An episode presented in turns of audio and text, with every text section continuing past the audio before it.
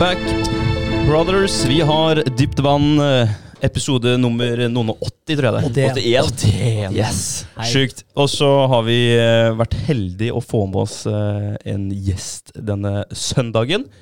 Og um, jeg kan begynne, så kan du ta over hvis det er noe jeg har gått glipp av. Vi har begge to eh, gjort litt research. research. Jeg har ikke forberedt noen introduksjon, men jeg har forberedt noen spørsmål. oh, ja, så bra. så bra Jeg kan ta en liten intro. Um, um, jeg tenkte på en forkortelse på navnet ditt. Det har sikkert du tenkt på mange ganger òg, i og med at du har laga et uh, nytt eh, firma som inneholder eh, en abbreviation på navnet ditt. Og da er det en knapp på tastaturet her som heter eh, tab.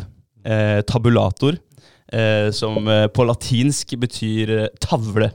Så der har vi den. Eh, har du hørt at du er en eh, tavle innimellom, eller er det For du har jo du har bredskuldra. Men uh, Jeg hører bare at jeg har en flott ryggtavle. Veldig, veldig bra. Mannen som gjester podden i dag, uh, det er en uh, kreativ sjel, en kreativ kar. Og jeg gjorde et lite dypdykk i LinkedIn-profilen til denne karen. Og der er det litt forskjellig, og noe som jeg ikke helt eh, eh, klarer å tolke. Eh, men vi begynner da altså i 97 på musikk grunnfag, så allerede der så er kreativiteten inne i bildet. Eh, og så har vi videre Mac-design i 0405 på Høgskolen i Kristiania. Og så har vi noe som heter, og det her kommer det litt sånn trøblete for min del, FX PhD. Det høres ut som du har en doktorgrad i, eh, i uh, FX spe, eh, Special FX, og det er 04 til 08. Stemmer det? Så kult. Eh, og så har vi noe som er midt imellom her. Eh, informatikk eh, i, på Høgskolen i, i Østfold. Eh, det var i 99 og 2000. Så har vi eh, Høgskolen i Østfold eh, i 2015, Big Data eh, Analyst.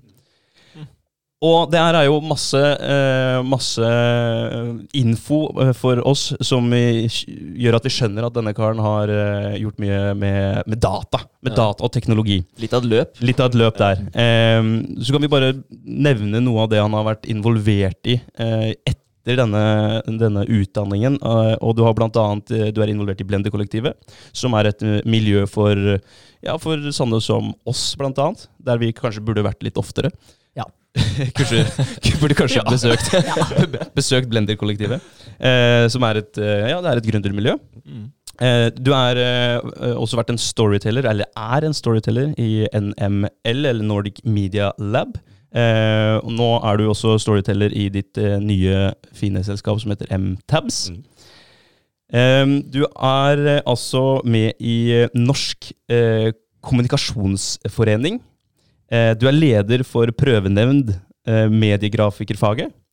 Eh, og den nyeste, det nyeste du på en måte har blitt hausa eller omtalt om i mediene, det er nok en skaper av det digitale Halden.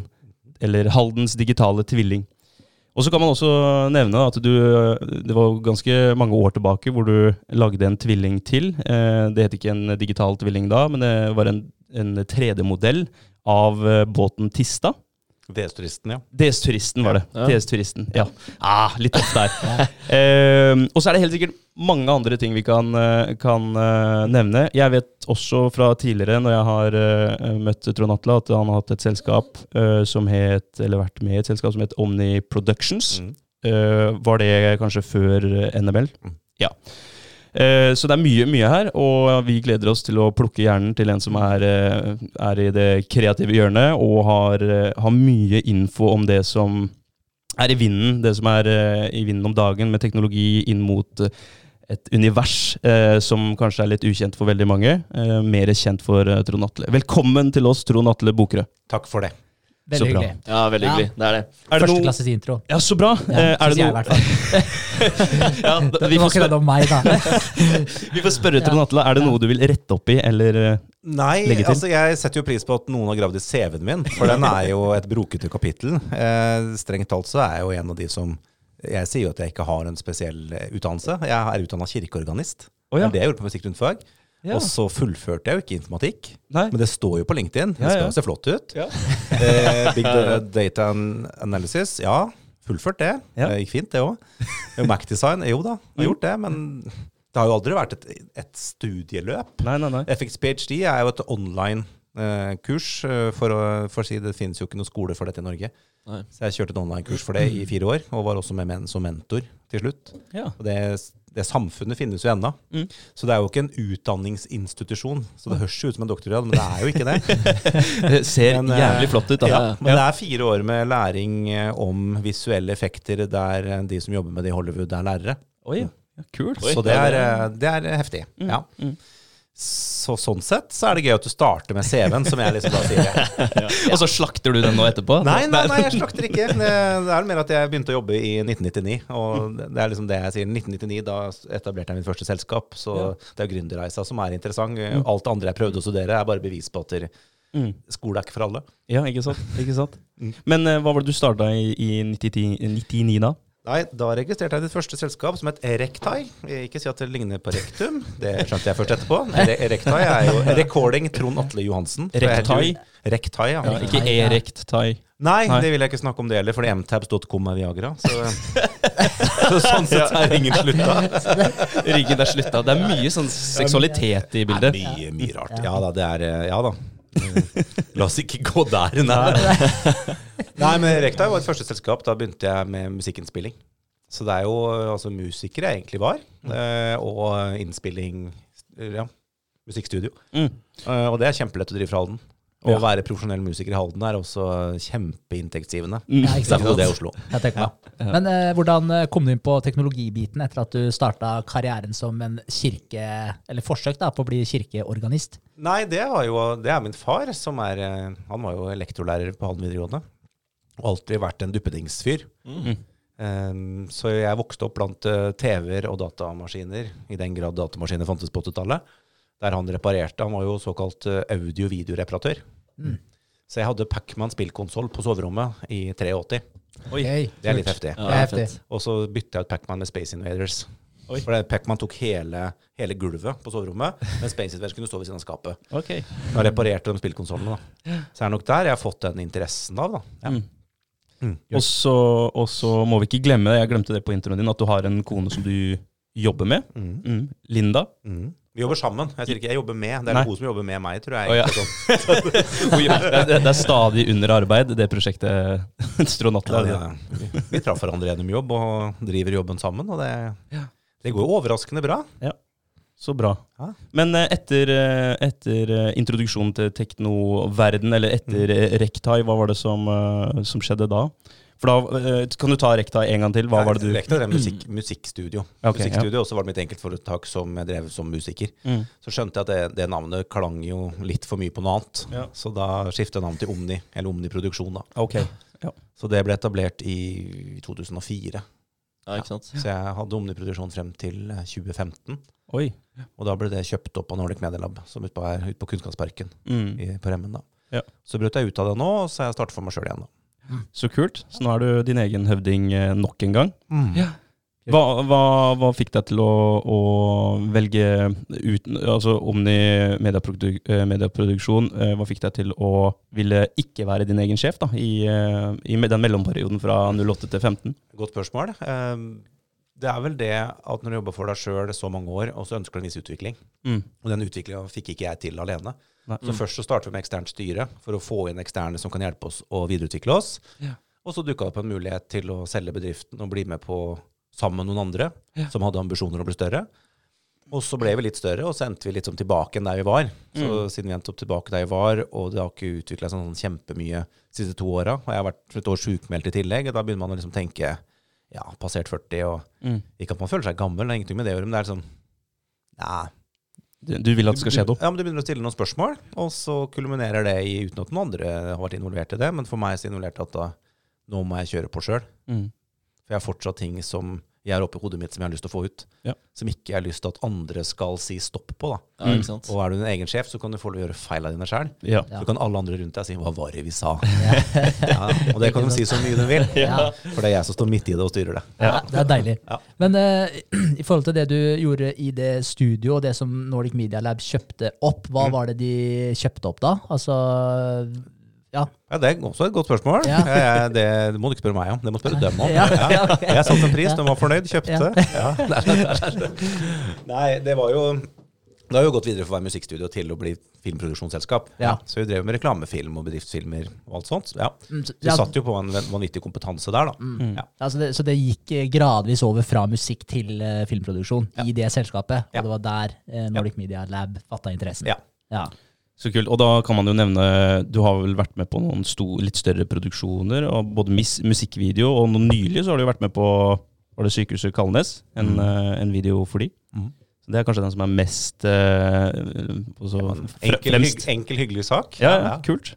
Gjort mye forskjellig. Jeg har gjort masse forskjellig. Det er, hadde jo noen år i Oslo som frilansklipper på ja, Farmen, med Norgesmester, Robinson eh, Ja, hva annet egentlig Egentlig Firestjerners middag.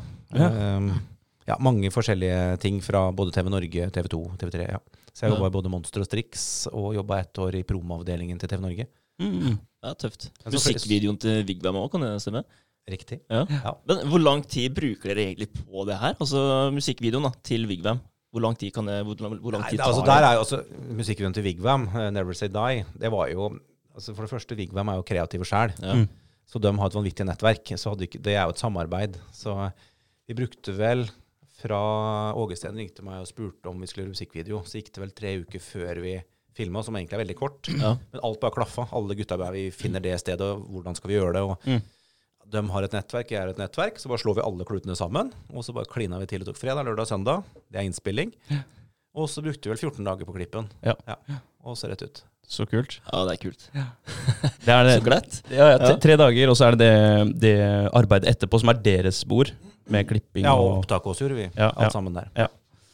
Så bra. Men uh, mellom, uh, mellom alle disse uh, tinga vi har snakka om nå, så har det jo gått noen tanker hos deg. Hva, hva var det som fikk deg til å tenke at der, jeg, skal, jeg skal gjøre noe sjøl? Jeg skal altså, bli en gründer. Mm. Hva- Var det noe som trigga akkurat den gründerspiren i deg? Da var jeg ti år. Ti år? Ja. Det var 1988. 88. Jeg husker ikke nøyaktig datoen, men det var når jeg gikk på barneskolen. Ja. Da var det vel egentlig en lærer eh, som sa til meg at eh, jeg måtte gå min, ikke måtte gå min egen vei, men at jeg måtte skape noe sjøl. Mm. Fordi jeg skjønte jo ikke da, men uh, i storefri så gikk jeg opp og spilte piano, Mm. mens andre gutta gikk og spilte fotball. Ja. Jeg har jo en medført uh, idrettsskade som heter andpusten, og det er veldig ubehagelig når den, uh, når den kom. Det skjønte jeg veldig tidlig at idrett er ikke noe for meg, for den, er- den pustinga og greier, ikke sant. Ja. Der Det kommer er, den det er veldig slitsomt, så jeg har et veldig ambivalent forhold til pusting. Jeg synes det er, det er veldig tøft. Nei så da, allerede da så var jeg kanskje annerledes, uten at jeg så på det som annerledeshet, og ingen andre rundt meg heller. Eh, og så var det hver gang det var et eller annet kreativt på skolen, eller et kulturarrangement, eller vi skulle gjøre et eller annet, så, så var det jeg som styra det. Så når vi hadde talentiade på skolen og sånne ting, så var han her lille Trond Atle som fiksa det opp istedenfor lærerne. Kult. Skulle man lyd og sånn, så ordna jeg PA-anlegg og ja. Så jeg har alltid liksom vært der. Og da bestemte jeg meg for at jeg, jeg må drive med et eller annet kreativt. eh, Og jeg, og jeg tror ikke jeg brukte ordet kreativt da jeg var ti, men Nei. det var liksom et eller annet i den gata, om det het rockestjerne eller et eller annet sånt. Det var vel mer det det var. Mm. Ja. Og den, det løpet har man jo egentlig kjørt alltid. Mm. Og gjennom ungdomsskolen og videregående så var det liksom alltid den derre man skal leve av musikken eller leve av filmen. For det lå Mm. alltid som en sånn herre Jeg har alltid vært interessert i, i filmer. Ja. Jeg fikk en veldig stor interesse i 1990 da jeg var hos med, jeg kaller det tante og onkel. Det er egentlig søskenbarn til min mor Mm. i USA. Og da var hos i, bodde hos dem i fire uker. Og han hadde hjemmekino. Oi. Og sitte der og se på alt av filmer fra morgenen til ja, Da liksom Wow, der fulgte jeg meg hjemme. Mm. Så da var jeg tolv år. Så er liksom i den perioden der jeg fant ut at det er, dette er retninga. da. Det å skape noe. Ja, Mm. finne på noe, skape noe, gjøre noe. Hva, hva gjorde du rett før du starta det første selskapet ditt? Hva var det du gjorde rett før det? Militæret. Militæret? Ja. Ok, Så du gikk rett fra militæret til å skape Ja. Men jeg sånn, skapte jo før, men det var jo Ja. ikke noe det var, Du bør være 18 når du starter enkeltmannsforetak. ja. Mm. Mm. Men sånn inntektsmessig å, å gå fra den, altså bodde du hjemme på det tidspunktet her? Hadde du en lavere risiko sånn sett? Altså var det derfor du kunne Ja, nå tenker du som en gründer i dag. Da, i, i, da, i, ja, I 99 så tenker man kjør på. Ja. Mm. Sikkerhet, hva er det for noe, liksom? ja. Det er bare det er hopp ut i det, da. Mm. Nei, altså jeg lærte jo det på den harde måten. Det er bare klin... Altså stud, nei, studielån heter det vel. Jeg trodde det het studiolån. Der bomma jeg jo. Så mens, mens andre brukte studielånet på studier, så brukte jeg studielånet på, som studielån. Mm. Ja, Starta vel der, og så er det jo det at du, du har lyst på noe stæsj for å komme i gang, og så går du i banken og låner noe penger, klarer ikke å helt håndtere hva lånet er, apropos risiko. Sover dårlig i ukes tid. eh, Flytter ut hjemmefra, tenker at det er jo smart. Koster penger, det òg. Så sitter du der og klarer ikke å betale en dritt for deg. Mm. Da er det å ringe til mamma og pappa. Mm. Og når du er 19 da, i 20, så er ikke det så veldig kult.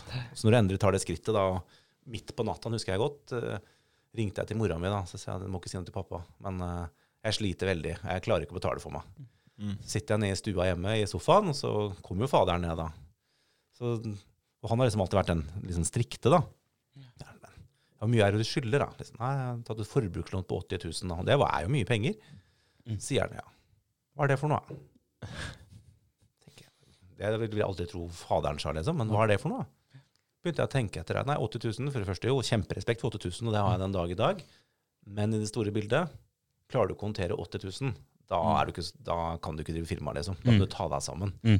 For 80 000 er jo jeg kan si I dag så må jo vi omsette for 100 000 i uka. Skal vi klare våre utgifter, liksom? Ja.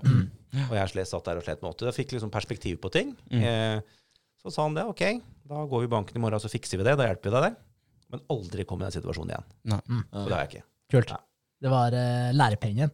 Ja. Ja. Jeg har tatt AS etterpå, da. Så hvis det går dritt, vet du, så Ja, det, ja, det er det.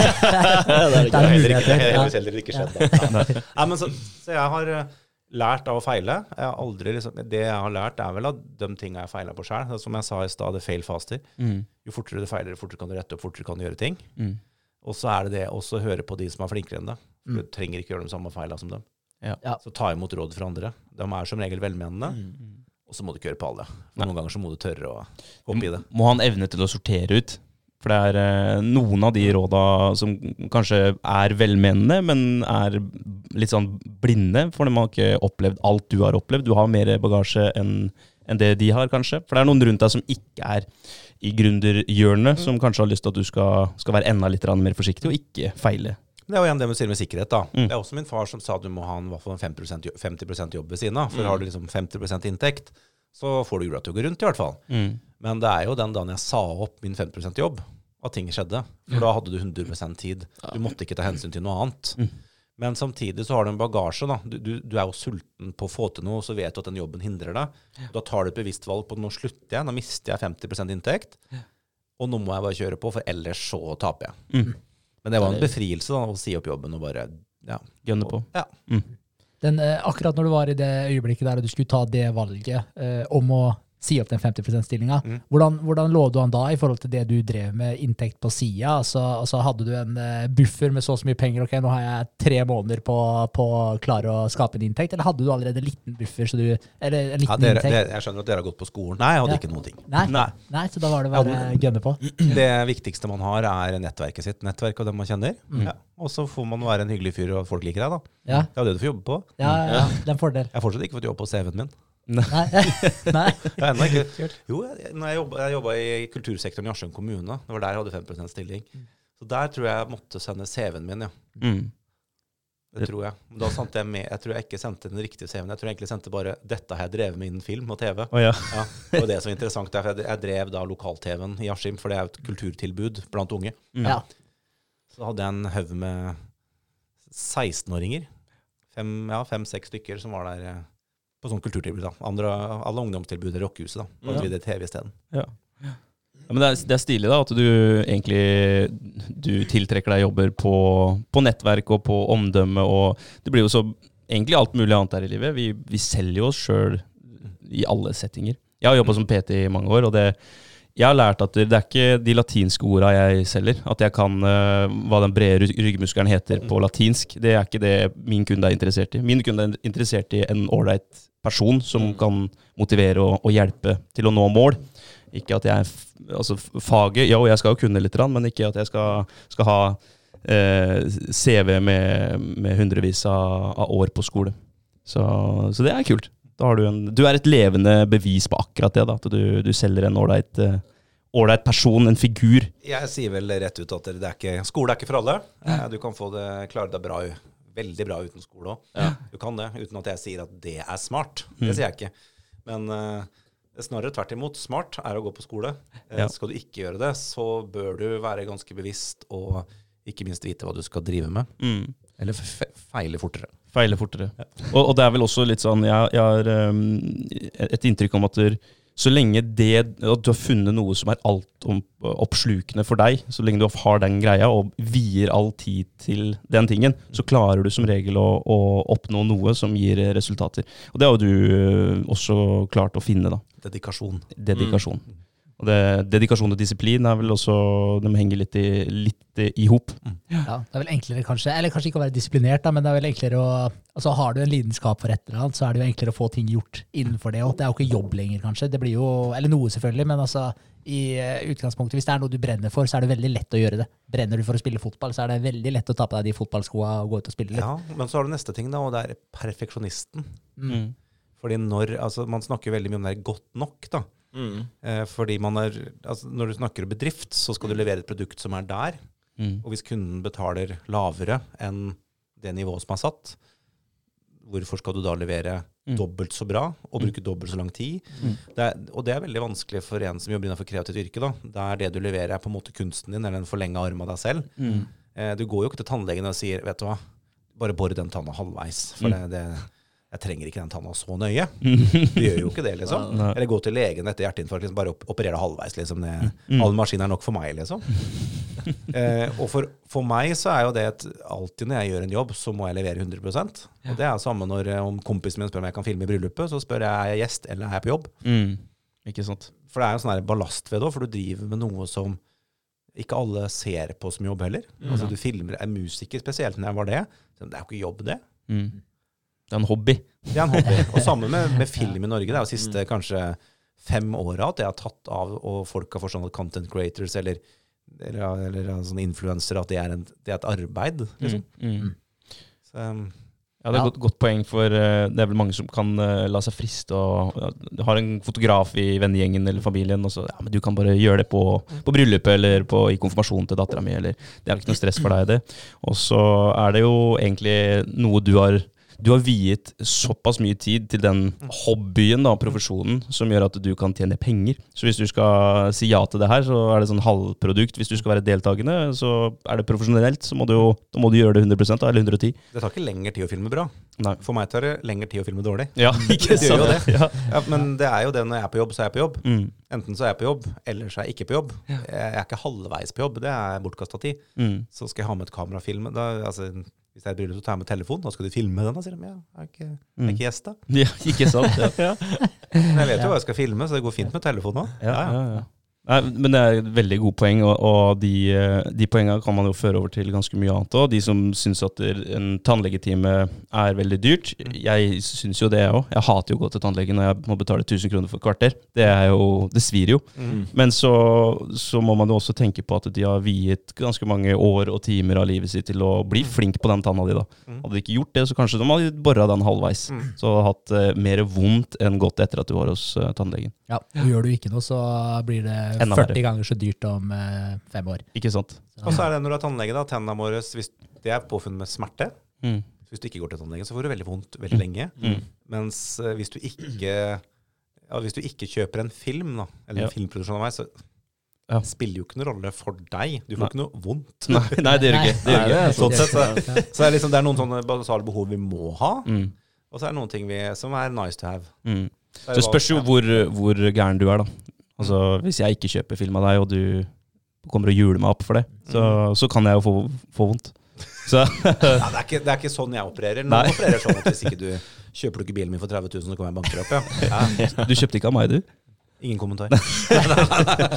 Men, eh, men uh, hva tenker du om det å prissette sitt eget arbeid? Du som er, uh, har jobba mye med, med, med, med produkt som er vanskelig å prise, da, for å si det sånn. For du, du, det er ikke lik, likt som å eh, sammenligne en uh, hårstrikk på, på glitter, f.eks. Uh, 20 kroner der, 20 kroner der. Uh, hva, hva tenker du om det? Prissette sitt eget hode, Mm. det er jo supervanskelig. Ja, det er jo Det det. er gøy vanskelig. Og så når du først har satt prisen på hodet ditt, fordi det er liksom en slags timespris eller dagspris, så er det jo hvordan håndhever du det, da? Mm. For, for du, du har en sånn følelse av produktet du leverer. leverte du ikke dritbra de to dagene du jobba, så skrev du en dag isteden, og så biter du deg sjøl i ræva da. Ja. Så det er det å skjønne at der, du må sette prisen på hodet ditt per time riktig, Mm. og så må du være tro mot det. Mm. Eh, og hvis du mener på at du er for dårlig, og du ler for, eller du jukser på timene dine, da, Mm. må du heller sette ned timesprisen. Ja. Eh, og hvis timesprisen din er for lav i forhold til konkurrentene dine, så må du jo lære deg jobben din bedre, da. ja, ikke sant. Så det er jo å følge med i bransjen. Hvor er det bransjen ligger hen i pris? Og Mm. i, i vårt tilfelle så har det heldigvis blitt standard, litt mer standardisert enn hva det var i, liksom, når jeg begynte i 2000. For det var jo sheriff, det. Det var jo bare det koster det. Og så Mm. var det ingen som hadde forhold til hva video eller TV kosta. Mm. Nå så har vi liksom Produsentforeningen som har liksom satt noen sanser, eller Filmforbundet, da, som har satt noen satser på hva ting koster. Så kan du regne deg det ut ifra det. Eh, men det er da frilansere. Og hvis sånn som jeg som driver bedrift, så må jeg jo regne ut hva, hva prisen vår er ut til kunden. da. Og det er jo ikke snakk om frilanseren som nødvendigvis jobber hos oss, for den skal jo kontor, en datamaskin, ja, Mm. pensjon, Ja. masse andre ting, altså sosiale som vi må regne på toppen. Så det, det der er van, den er dritvanskelig. Og det var en av grunnene til at jeg ble med på det som nå heter Blender. Mm. For det starta som noe som heter Arena Magica, som var et prosjekt for Innovasjon Norge. Jeg husker ikke helt årstallet, men jeg tror det var 2002 eller 2003. Oh, ja. Som det var som forprosjekt. Eh, for om det kunne bli et sånn arenaprosjekt innafor disse. Du har Arena, og så har du ja, NCE, eh, som også er en over Arena. Eh, Prosjekter da, som Innovasjon Norge har. Så Mm. skulle vi finne et prosjekt som da skulle se hvordan filmbransjen eller den kreative næringa i Østfold kunne samarbeide. da. Mm. For jeg så at det var et potensial i Østfold. Det var også det som fikk meg til å flytte tilbake til Østfold. Så liksom nå begynner det å skje ting i Østfold, så istedenfor å sitte i Oslo og se hva som skjer i Østfold, så har jeg lyst til å være med på det som skjer i Østfold. Ja. Eh, og da hadde vi et forprosjekt, og så fikk vi arenastatus på det prosjektet. Da, da ble det Arena Magica, som vi skulle da ha i tre eller fire år. Oh, ja. Så gjennomførte vi det, og når, når det prosjektet var ferdig, så fikk vi ikke videreført det. Eh, fordi filmbransjen i Østfold er fortsatt for fragmentert. ja, ikke sant. Eh, og da ble det Blender Collective. Mm. Eller Blender ble det først, og så ble det Blender Collective og Coworking Spaces og sånt. nå, men, Mm. så da var jeg med i styret frem til det kom i Halden. Ja. Når det kom i Halden, hadde jeg flytta opp på Kunnskapsparken, så da var det ikke naturlig å, å fremme det tilbudet i sentrum, da. Når Nei. vi satt på noe lignende da på Kunnskapsparken. Så sånn interessekonflikt. Ja. Ja, sånn. mm. Ja. Så du var med på gjenoppstandelsen av på en måte den arenaen i Blender, og så nå er du ikke med der lenger? Eh, nei, vi er vel ikke medlem av Blender nå, men vi er jo medlem av Halden Næringsutvikling som sitter her. Altså det, er, det, er- ja, Ja. det er jo mange konstellasjoner. Så ja, indirekte medlemskap Ja. via Halden næringsutvikling. Ja. Så bra. Eh, hva tenker du om, eh, om dagens eh, status på teknologien i dag? Nå har jo du med på ganske mange kule prosjekter Mm. eh, som du har eh, Er du litt gudfaren i, i de prosjektene, eller hva, hva er status? Om jeg er gudfaren i de prosjektene, så er vel svaret ja. Ja. Eh, og det, det liker jo, jeg liker jo ikke å si det, men mange av disse teknoprosjektene Mm. Har blitt til av at jeg har noe, kanskje et hjerne som ser ting ti år før det kommer. Mm. Uh, og det har jeg historikk på. Jeg nevnte jo i stad at jeg drev podkast i 2003-2004, og videopodkast. Mm. Uh, og det driver folk med ti år etterpå. Og det er veldig mange ting vi har gjort som liksom kom ti år etterpå. Og så må man jo anna, liksom se det, da. Så når du ser at du har gjort ting ti år før an, altså, det blir kommersielt, Mm. så kan du enten si at du er ti år for tidlig ute, eller så kan du si at du har et veldig potensial Ja. til å se hva som kommer Mm. fremover. Og så har jeg liksom begynt å Og det er også en av grunnene til å starte for meg sjøl, fordi det er jeg, jeg tror det stemmer, Mm. og så har jeg troa på at jeg vet hva som kommer om fem år. Jeg ser hva Jeg har vært mye rundt og sett ting, da, teknologiske ting, og prøvd teknologi Bare det å ha vært hos Microsoft i Seattle på Business Executive Center, der de viser det, Altså det råeste Microsoft har og kan vise sammen med sine partnere. Mm. Svært bygg bare dedikert til ny teknologi. Og så går jeg der, og så sier jeg til han Lon Tierney, som jeg var sammen med, bare This is old shit. og han sier why, og så forklarte jeg hvorfor, og så viste jeg liksom andre ting jeg hadde sett, og bare jeg, bare i stand på huet bare, ja, at jeg hadde rett. da. Ja. Så det er liksom hele Business Executive-senteret til Microsoft, som er da det er det senteret som Når de store herrer da, skal til Microsoft sammen med Satya Nadella, så kommer de til Seattle, og så kan du gå inn her og se, se så flott det er. Mm. Og det er avleggs, da. Ja. Ja, ikke sant. du ikke skal jo ikke, skal ikke si sånn. Nei, nei, nei. Der har du meg i et nøtteskall. Så sier jeg det, og så ja, lo de litt av det. Og så, ja, de har bygd ut nå. Jeg tror ikke det var pga. meg, overhodet ikke. De hadde utviklingsplaner da. Det ble en helomvending, ja. Ja.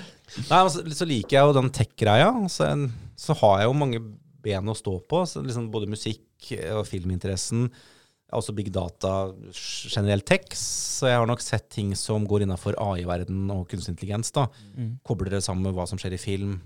Eh, Jeg er interessert i å kjøre bil, jeg er ikke nødvendigvis interessert i å mekke bil. Mm. Så liksom du har alle disse interessene her som har vist seg å være en veldig god kombo. Så nå sitter vi da og jobber sammen med noe som heter SEFT, som er innovasjonsavdelingen til Geely. Og Geely er jo de som eier bl.a.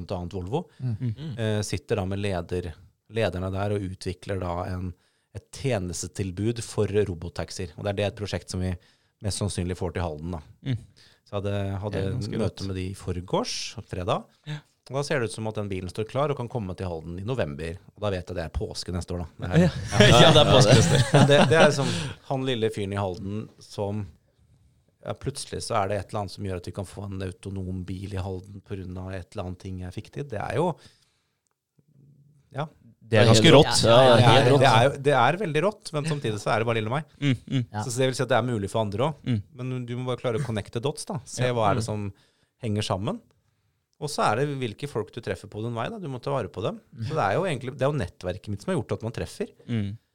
Og verden er ikke stor. Nei. Den er kjempeliten. Og så må du tørre å spørre. Ja. Mm. Altså, på min internett i dag, det er en messenger av vei, i vei, liksom. LinkedIn. Du bare skriver en melding til den personen som er forbildet ditt, og så Mm. ser du om vedkommende har sett meldinga di. Og mest sannsynlig så svarer han i løpet av noen dager òg. Ja. Ja. Det er, det er kult. Altså når det kommer til nettverksbygging Jeg har lyst til å hoppe inn på den der autonome bil-case nå, for det er, jo, det er jo sykt spennende. Eh, Men når det kommer til det med nettverksbygging, har du når var det du innså hvor viktig et nettverk var, og har du aktivt gått inn for å oppsøke mennesker som, som du ser ut som altså som er i på en måte en taktisk posisjon da, i forhold til hvor du har lyst til å, å gå hen? Alltid. Alltid. For jeg var, det var nok når jeg liksom måtte slutte som musiker, så så jeg at de gutta jeg spilte med, Mm. det, de var jo mye bedre enn meg. Mm. Men de hadde liksom det nettverket sitt og spilte sammen.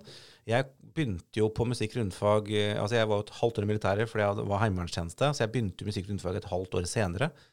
Og da så jeg at da var miljøet der skapt allerede. Mm. Så de å komme inn der et halvt år senere, det var ikke nødvendigvis dritlett.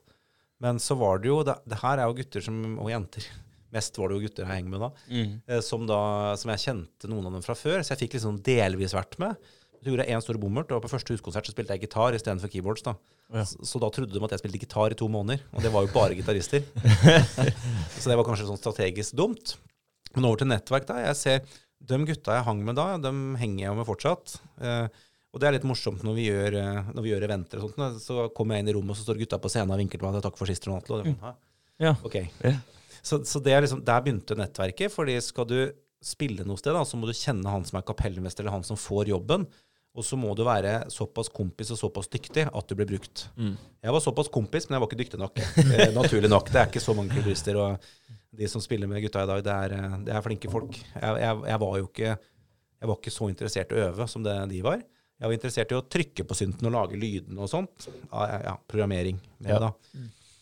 Og så var det det å bare dra seg med ut når man begynte å lage reklamemusikk.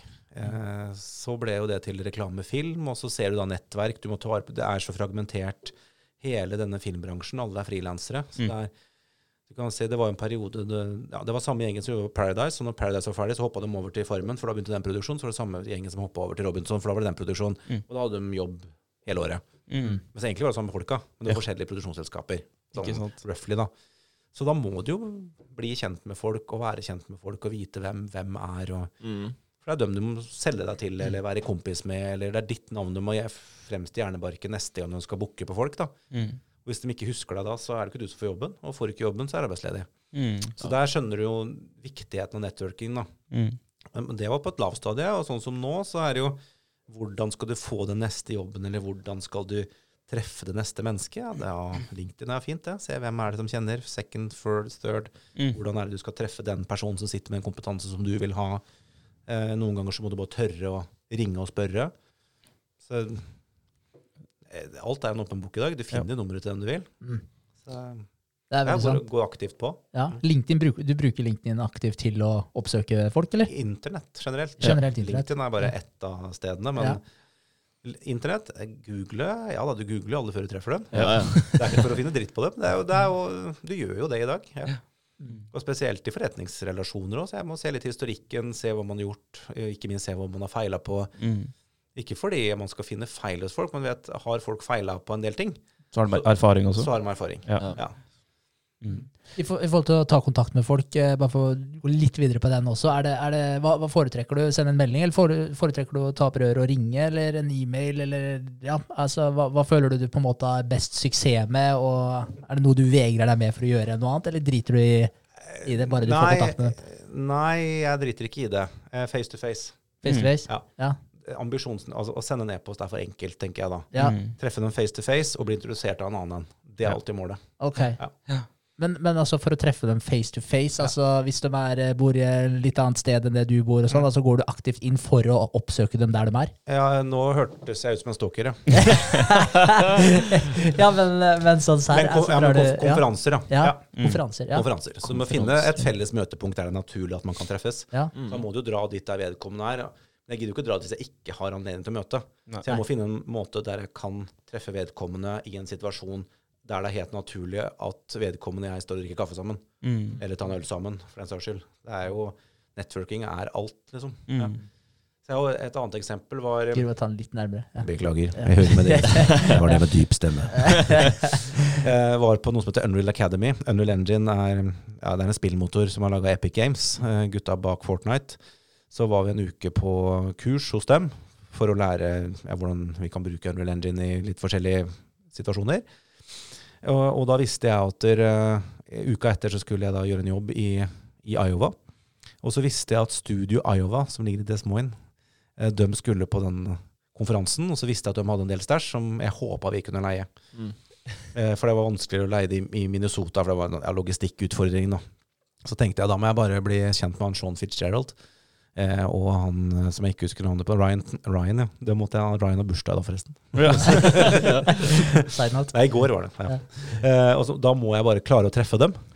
Og av alle ting, så husker jeg det var, eh, det var på slutten av dag, eh, eller den andre dagen, en fredag, så står Mark Petit, som da er liksom sånn ja, En av sjefene i Epic Games står da foran og sier at dere, OK, dette er salgstallet for Fortnite, det gikk veldig bra. Eh, I dag er det fri bar. Eh, det var 2000 mennesker på det kurset. eh, så står jeg ute på veranda, og så ser jeg da disse to gutta her står på bordet ved siden av. Og da er det bare å gå bort og si hei. eh, Jeg skal gjøre en produksjon i Iowa neste uke, og jeg trenger London Stæsj. Kan jeg leie av dere? Mm. Og det var starten på et vennskap vi har hatt lenge. Så vi har truffet hverandre på Vi skulle egentlig treffe oss i Vegas nå til uka, for det er sånn stor konferanse der, men den rekker jeg ikke å dra på. Mm. Så vi har truffet hverandre årlig etter det her, da. Så det er, da bygger du nettverk. Og så er det jo eksotisk da å være fra Norge. Så da, da, når jeg først snakker med dem, så introduserer de, de meg for folka rundt, og så er det bare å være ydmyk og Mm. levere. Ja, ja. Det er utrolig kult. Det er et hei. Det, er, det kan være det som er nøkkelen. Bare et hei. Altså, du, Ja, ja. Bare være, som du sier, ydmyk og en ålreit eh, venn for de du snakker med. Du kan sitte, kan sitte på temagruppe, ti personer sammen med John Farrow, mannen bak bl.a. Mandalorian.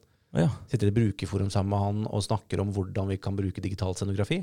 Mm. Takket være da Sean. ja.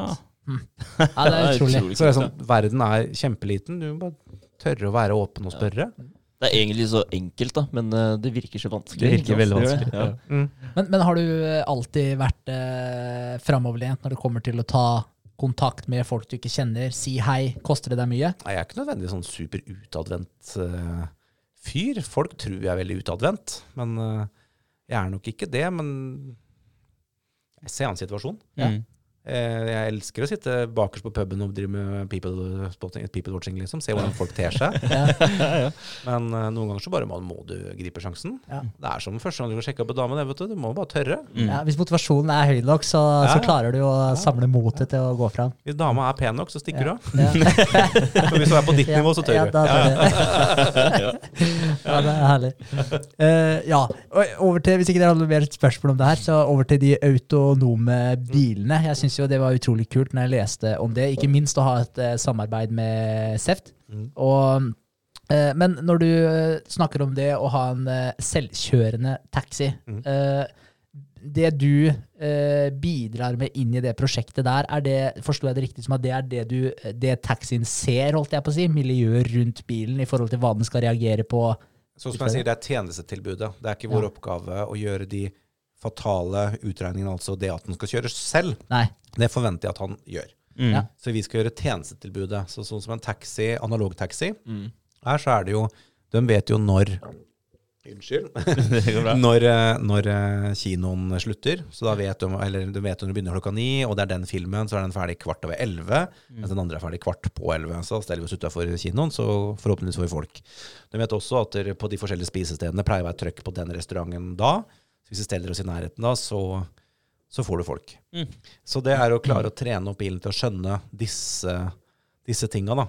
Hvor er det jeg skal stå når, til hvilken tid, og hvor er det publikum er hen. Mm. Og da er det et annet samarbeid med Jeg kan ikke si at det Mastercard kan jeg ikke si.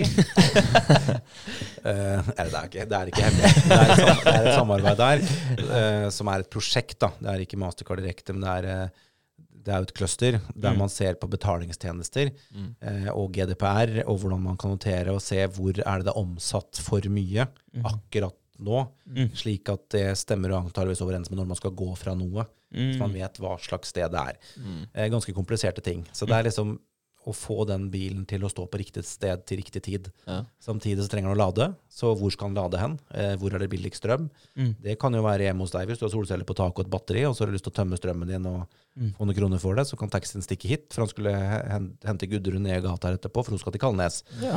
Så er det liksom, se disse synergiene. Ja. Så hele det systemet der eh, skal inn, og der kommer jo den digitale byen og Halden igjen, da, siden vi har gjenskapt Halden helt digitalt, med hele veinettet. Mm. Og det er derfor Seft kicka også, fordi vi har, vi har jo stort sett hele Halden modellert. Mhm.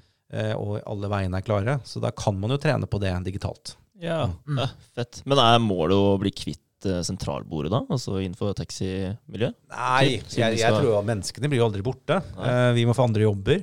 Mm. Derfor er det spennende å snakke med Bent Skogli i Halden Taxi om det her. Da, for altså, det er jo, altså taxisjåførens arbeid vil jo bli annerledes. Ja. Mm. Men man vil jo ikke miste jobben. Men om man vil sitte i bilen Altså Vil det være så mange taxisjåfører som sitter i bilen og kjører den?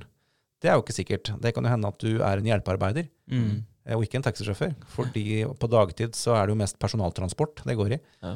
Så da er det kanskje en annen type kvalifikasjon da, Mm. som du kan ha i Halden Taxi. Du er faktisk utdanna sykepleier, men jobber i Halden Taxi. Ja.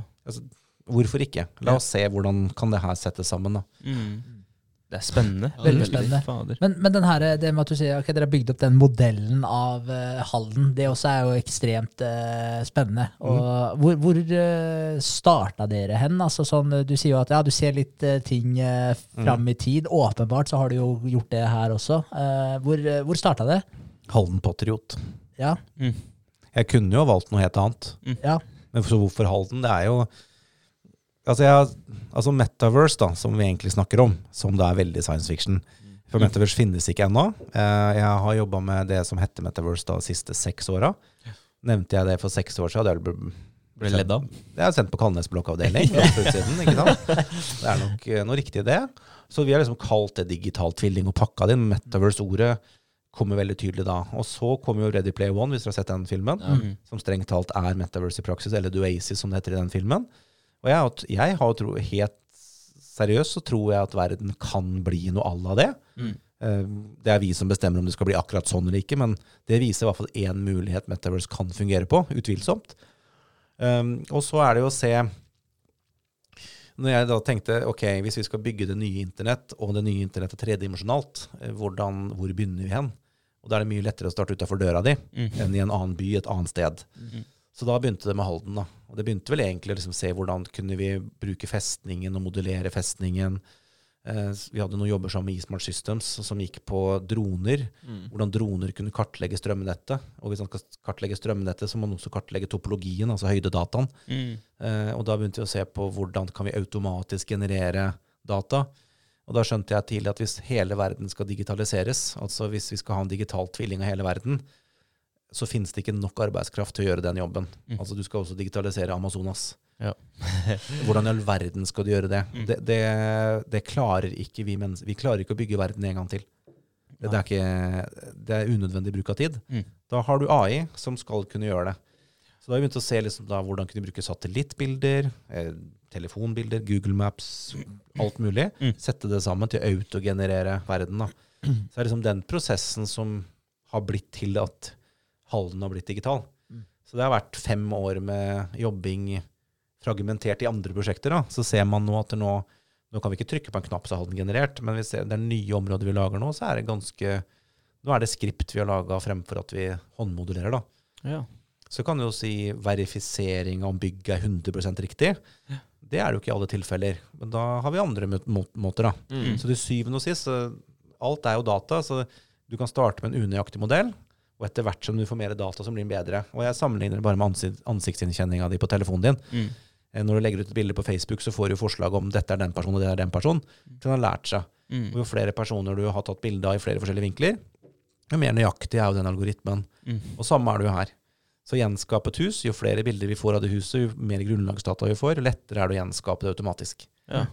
Og så er det hva er godt nok. Kanskje i starten, i bakgrunnen, så er det nok med at det er eh, det bare ligner sånn cirka. Mm. Det bør ikke være likt i det hele tatt. Da snakker vi om parametrisk tvilling. Altså parameteren er riktig, men Mm. utseendet er feil. Ja. Men er det parametrisk riktig, så kan, kan øyet ditt oppfatte det som korrekt. da. Mm. Ja. Og hvis dere har sett de siste filmene på LinkedIn og kjører forbi politistasjonen og sånn, så stemmer bygget er jo helt feil. Men det er i hvert fall riktig farge, Mm. og det er cirka riktig, det er riktig høyde og riktig bredde. Så du tenker ikke så veldig på det, da. Nei, Mm. ikke sant? Så får det bare oppdateres etter hvert, etter hvert som du får mer grunnlagsdata, som det heter. Mm. Og da, og da lapper du egentlig bare det inn. Altså, så hvis du får et nytt uh, prosjekt nå, et filmprosjekt på et eller annet sted Mm. i byen, Mm. eh, så får dere mappa det enda mer uh, nøyaktig, og da, da pakker du egentlig det inn, eller baker det inn Ja. i den allerede eksisterende modellen. Yes.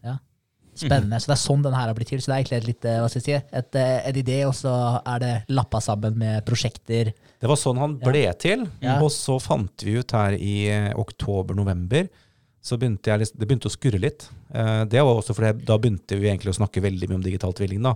Så da fikk vi en del trøkk på det. og jeg husker jo i september, så nevnte jeg, da nevnte jeg, hadde jeg et foredrag for NHO, og nevnte Metaverse for første gang, og viste da en liten sekvens fra Ready Play One med Oasis. Og så kom det en bort til meg etterpå og bare sa på Trond Atle hvis du, hvis du snakker om det her Metaverse-greiene dine en gang til, da Nå tror jeg det rabla for deg, liksom. Nei.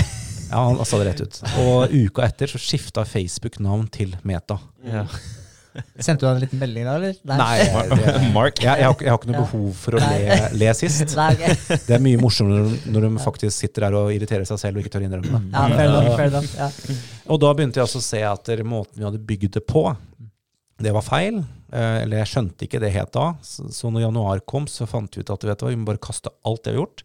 Og så må vi faktisk sette ut autonomi i praksis. Så nå må vi starte helt på scratch og bygge opp hele byen på nytt igjen, men ved hjelp av autonomi. Mm. For vi kan ikke sitte her og si at vi kan lage 3D-modeller automatisk hvis vi ikke har gjort det sjøl. Ja, ikke, Så kaster kaster vi alt og begynte på nytt igjen. Ja, Så begynte sånn, ja, uke to, og da begynte vi å modellere alt på nytt. Og ja, det dere ser, det som er ferdig nå, det er vel egentlig strengt tatt gjort til og med februar. Så Mm. det etter det er liksom Mm. småtteri. Og det er jo søndre del av byen som vi har fokusert på. Nordre del og sånt nå har vi ikke Nei. Det er bare parametrisk, som det heter da, Ja. per nå. Men, men er det droner typ dere bruker til å filme og sånn, eller hva, hva bruker dere til å samle dataen? Nå så er vi bare fokusert på bilder fra ESA, eller European Space Agency. Så det er Ok, eh, satellittbilder. Ja.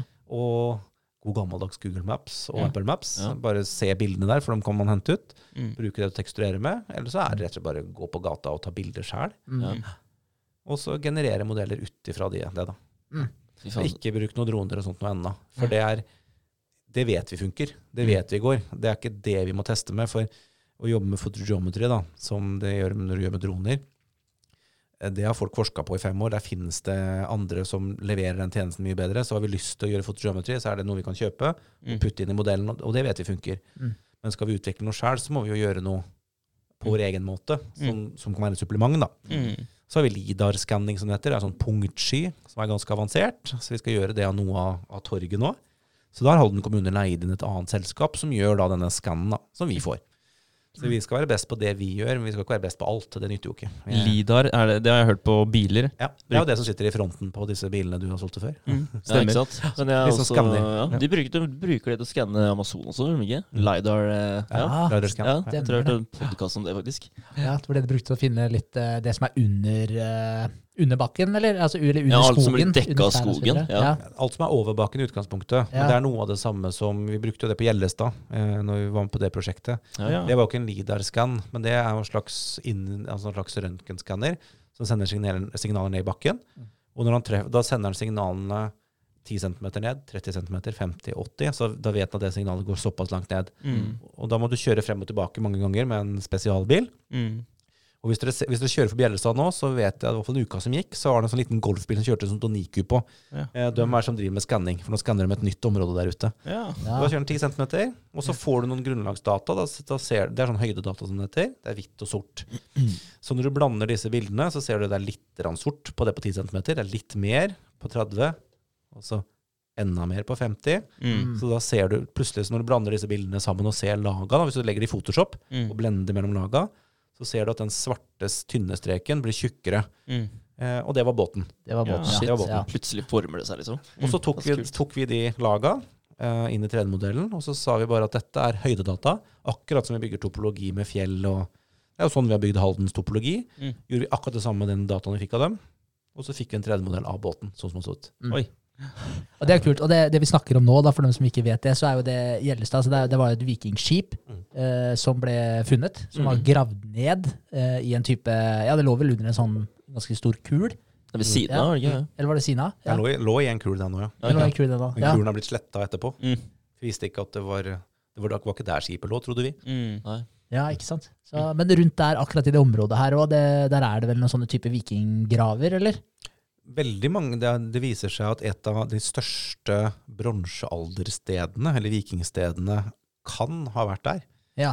Så det de ser på nå, og det er også en annen ting vi gjorde, for vi, når vi skanna da, så så vi hvordan den elva har eh, blitt, da, Mm. eh, og hvor, hvor vannstanden var. Og så simulerte vi høyere vannstand, for det viser at Gjellestad lå jo ved vannkanten. Du kan ikke ha et vikingskip dratt to kilometer inn på, på, tørr, på tørr jord. Mm. Og da simulerte vi hvor høy vannstand var, og viste det i 3D-modellen. Og så sier han ene arkeologen da at den elva som går der, det er ikke naturlig at den egentlig har vært der. Den, den må ha dratt seg sørover. Den bør ha ligget kanskje 50, 60 eller kanskje 100 meter lenger nord. Mm. Det vil jo si at det, når, vi har, når de hadde søkt, da, så hadde de søkt disse, disse 100 kvadratene rett nord for denne elva. Mm. Hvis vi går 100 meter og neste 100 meter, Mm. og der fant de jo plutselig masse ting. Ja. Mm. Takket være at vi så at elva flytta seg. Ja. ja, siden elva kanskje da var litt lenger nord, så er det naturlig at det, det som kanskje da var en by, Mm.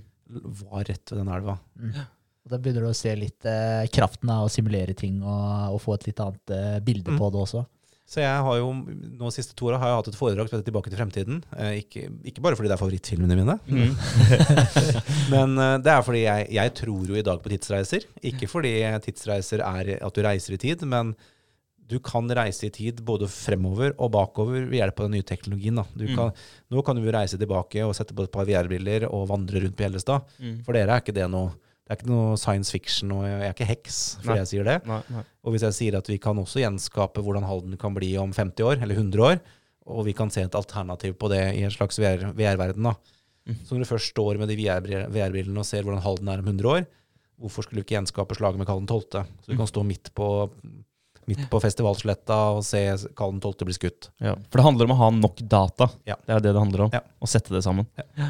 Det er utrolig kult. Eh, og du står egentlig midt i smørøyet, så vi, vi kommer til å ha en eh, fin eh, samtale om det her kanskje flere ganger om noen år også, og se hva som stemmer og ikke stemmer. Ja, Men- det er så masse som skjer der, så det er eh, Ja, det er helt, Jeg skjønner at folk faller av, for det er, Ja. det er, det er dritkomplisert. Og så er det å sette det sammen. Ja. og, og, klarer å- å klare sinnssykt å puslespill, formidle. liksom. Og klare å formidle det til noe fornuftig. Ja. Ja. For, det, for hva er eh, altså I forhold til det her med den digital, digitaliseringa, altså det med at dere gjenskaper eh, Halden, en modell av Halden. Jeg, jeg så jo annet den eh, artikkelen deres i HA, hvor det, eh, dere annet hadde simulert en Bruce Springsteen-konsert med mm. 60 000 tilskuere. Mhm. Og se, eh, og se eh, ok, hvor mye plass eh, tar folkemassen, Mhm. hvordan skal områdene avgrenses, hvordan blir trafikkflyten i byen, og alle disse tinga her. Og det er jo et ekstremt nyttig verktøy. Mm. Men er det det som er på en måte planen å eh, benytte det til? Er det, er det det som er på en måte et av hovedmåla, å kunne simulere eventer eh, osv. fram i tid? Eller er det mye mer enn det? Ja, Regner med det er mer enn det. Men Ja. Det var det mest håndfaste som jeg kunne vise da, som folk på en måte skjønte. Ja. Og så vet jeg at Halden har snakka om å ha en drøm om å ha konserter her med veldig mange mennesker. Mm. Eh, og, og jeg elsker jo sånne ideer, men samtidig så har jeg jo skjønt at Halden har litt problematisk infrastruktur. Mm. Og med at jeg har jobba med Allsang på Rensen i alle de åra jeg har vært her, så har jeg også sett en utfordring trafikalt. Mm. Eh, Tons og Rock, når det var her, så har vi også en utfordring med hvordan transportere folk til byen. Mm. Så når Halden kommune ønsker å ha en konsert på, på Golfsletta eller Festivalsletta, whatever, eh, om det er 20 20 000, 30 000, 40 000, 50 000 mennesker, så har vi et, eh, et problem når det kommer til infrastruktur. Mm. Hvordan er det du skal skippe folka inn og ut av byen? Så vi gjorde et eksempel. Vi satte opp eh, modellerte busser. Og satte opp hvor mange busser Hvis vi sier at alle som er på sletta her nå, skal transporteres med buss. Det er ikke lov å gå til byen. Mm. Gjorde vi den simuleringa, og da sto det busser fra E6 hele veien rundt festningen og ut på E6 igjen. Og da ville det tatt fire og en halv time og tømt uh, hele festningen for mennesker. Tålmodighetsprøve. Ja, det er sykt. Og da hadde du stoppa hele byen for trafikk. Vi, Ja. Da hadde vi sagt ingen biler i byen, det er ingen andre ting. Det eneste vi skal gjøre nå, er å flytte mennesker ut. Mm. ja. 60 000 mennesker. Så uh, det er uhåndterlig, egentlig, da? Med, med bus, oppsatte busser? Ja, Det er jo uhåndterlig bare med buss, Mm. eh, men så kan du tenke deg hvor mange mennesker skal gå til byen. Mm. Så må du tenke hvor mange mennesker er det som skal kjøpe øl på veien, og hva er det de gjør i byen. Eh, og kan man transporteres på vann? Må man transporteres med buss? Eh, kan man transporteres med tog? Mm. Eh, og da begynner, da begynner det prosjektet her å ligne det jeg tenkte på i utgangspunktet. Mm. Og det er jo rett og slett hvordan er det du kan skape verdi? Altså hvordan for å si, Skal du ha 60 000 mennesker på festningen? Altså Vi har jo sett det er mange tiltak som er gjort i Halden som ikke har funka pga. økonomien. Mm. Altså Hvis du skal kjøre en konsert på festningen, så er det ikke sikkert at det er penger i det. Mm. Eh, sist Det har vært mange eksempler på, som folk mener på da, at man tjener ikke nok penger til å legge konserter i Halden for man, ja, av diverse grunner. Yeah. Og da tenker jeg liksom, hva er det hvordan kan vi simulere økonomiflyten? Og det er da det begynner å bli gøy. Mm. Og det er et annet prosjekt vi har sammen med Göteborg Company. Göteborg Company er jo de som bl.a. drifter Ullevi og okay. Liseberg.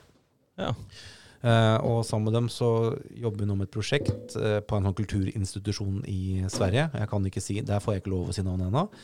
Men prosjektet er et slags- monopol, der vi lager en digital versjon av det området det her er snakk om. Og så skal vi kunne simulere, da, hvis vi setter inn et hotell med si 100 sengeplasser, eh, hvor mange flere ansatte må vi ha? Hvor, mange, hvor større turistgrunnlag må vi ha? Hvor mye omsetter eh, hver turist Mm. på det her? Hva ekstra ting kan vi generere? Og da begynner den digitale tvillingen å bli kjempeinteressant. For da kan du jo si hvordan, hvis jeg skal starte en bedrift nå på dette området, hvilket tjenestetilbud skal jeg levere? Og da er det gründeren i meg som snakker, da. Mm. Så kult. For da er jeg plutselig et verktøy der jeg som gründer kunne ha gått inn og sagt å, jeg har lyst til å starte bakeri. Mm. For det kan jeg hadde lyst til. For jeg er jo glad i mat. Mm. Bakst, da. Og nydelig. Hvor mange baguetter kan jeg selge til disse folka her? Og da har du noen tall på hvor mange bagetter som selges på andre steder, og da har du noe data som du kan Mm. hente inn der. Mm. Vet du hva, det, det her høres litt Har du spilt uh, Rollercoaster Tycoon? Nei.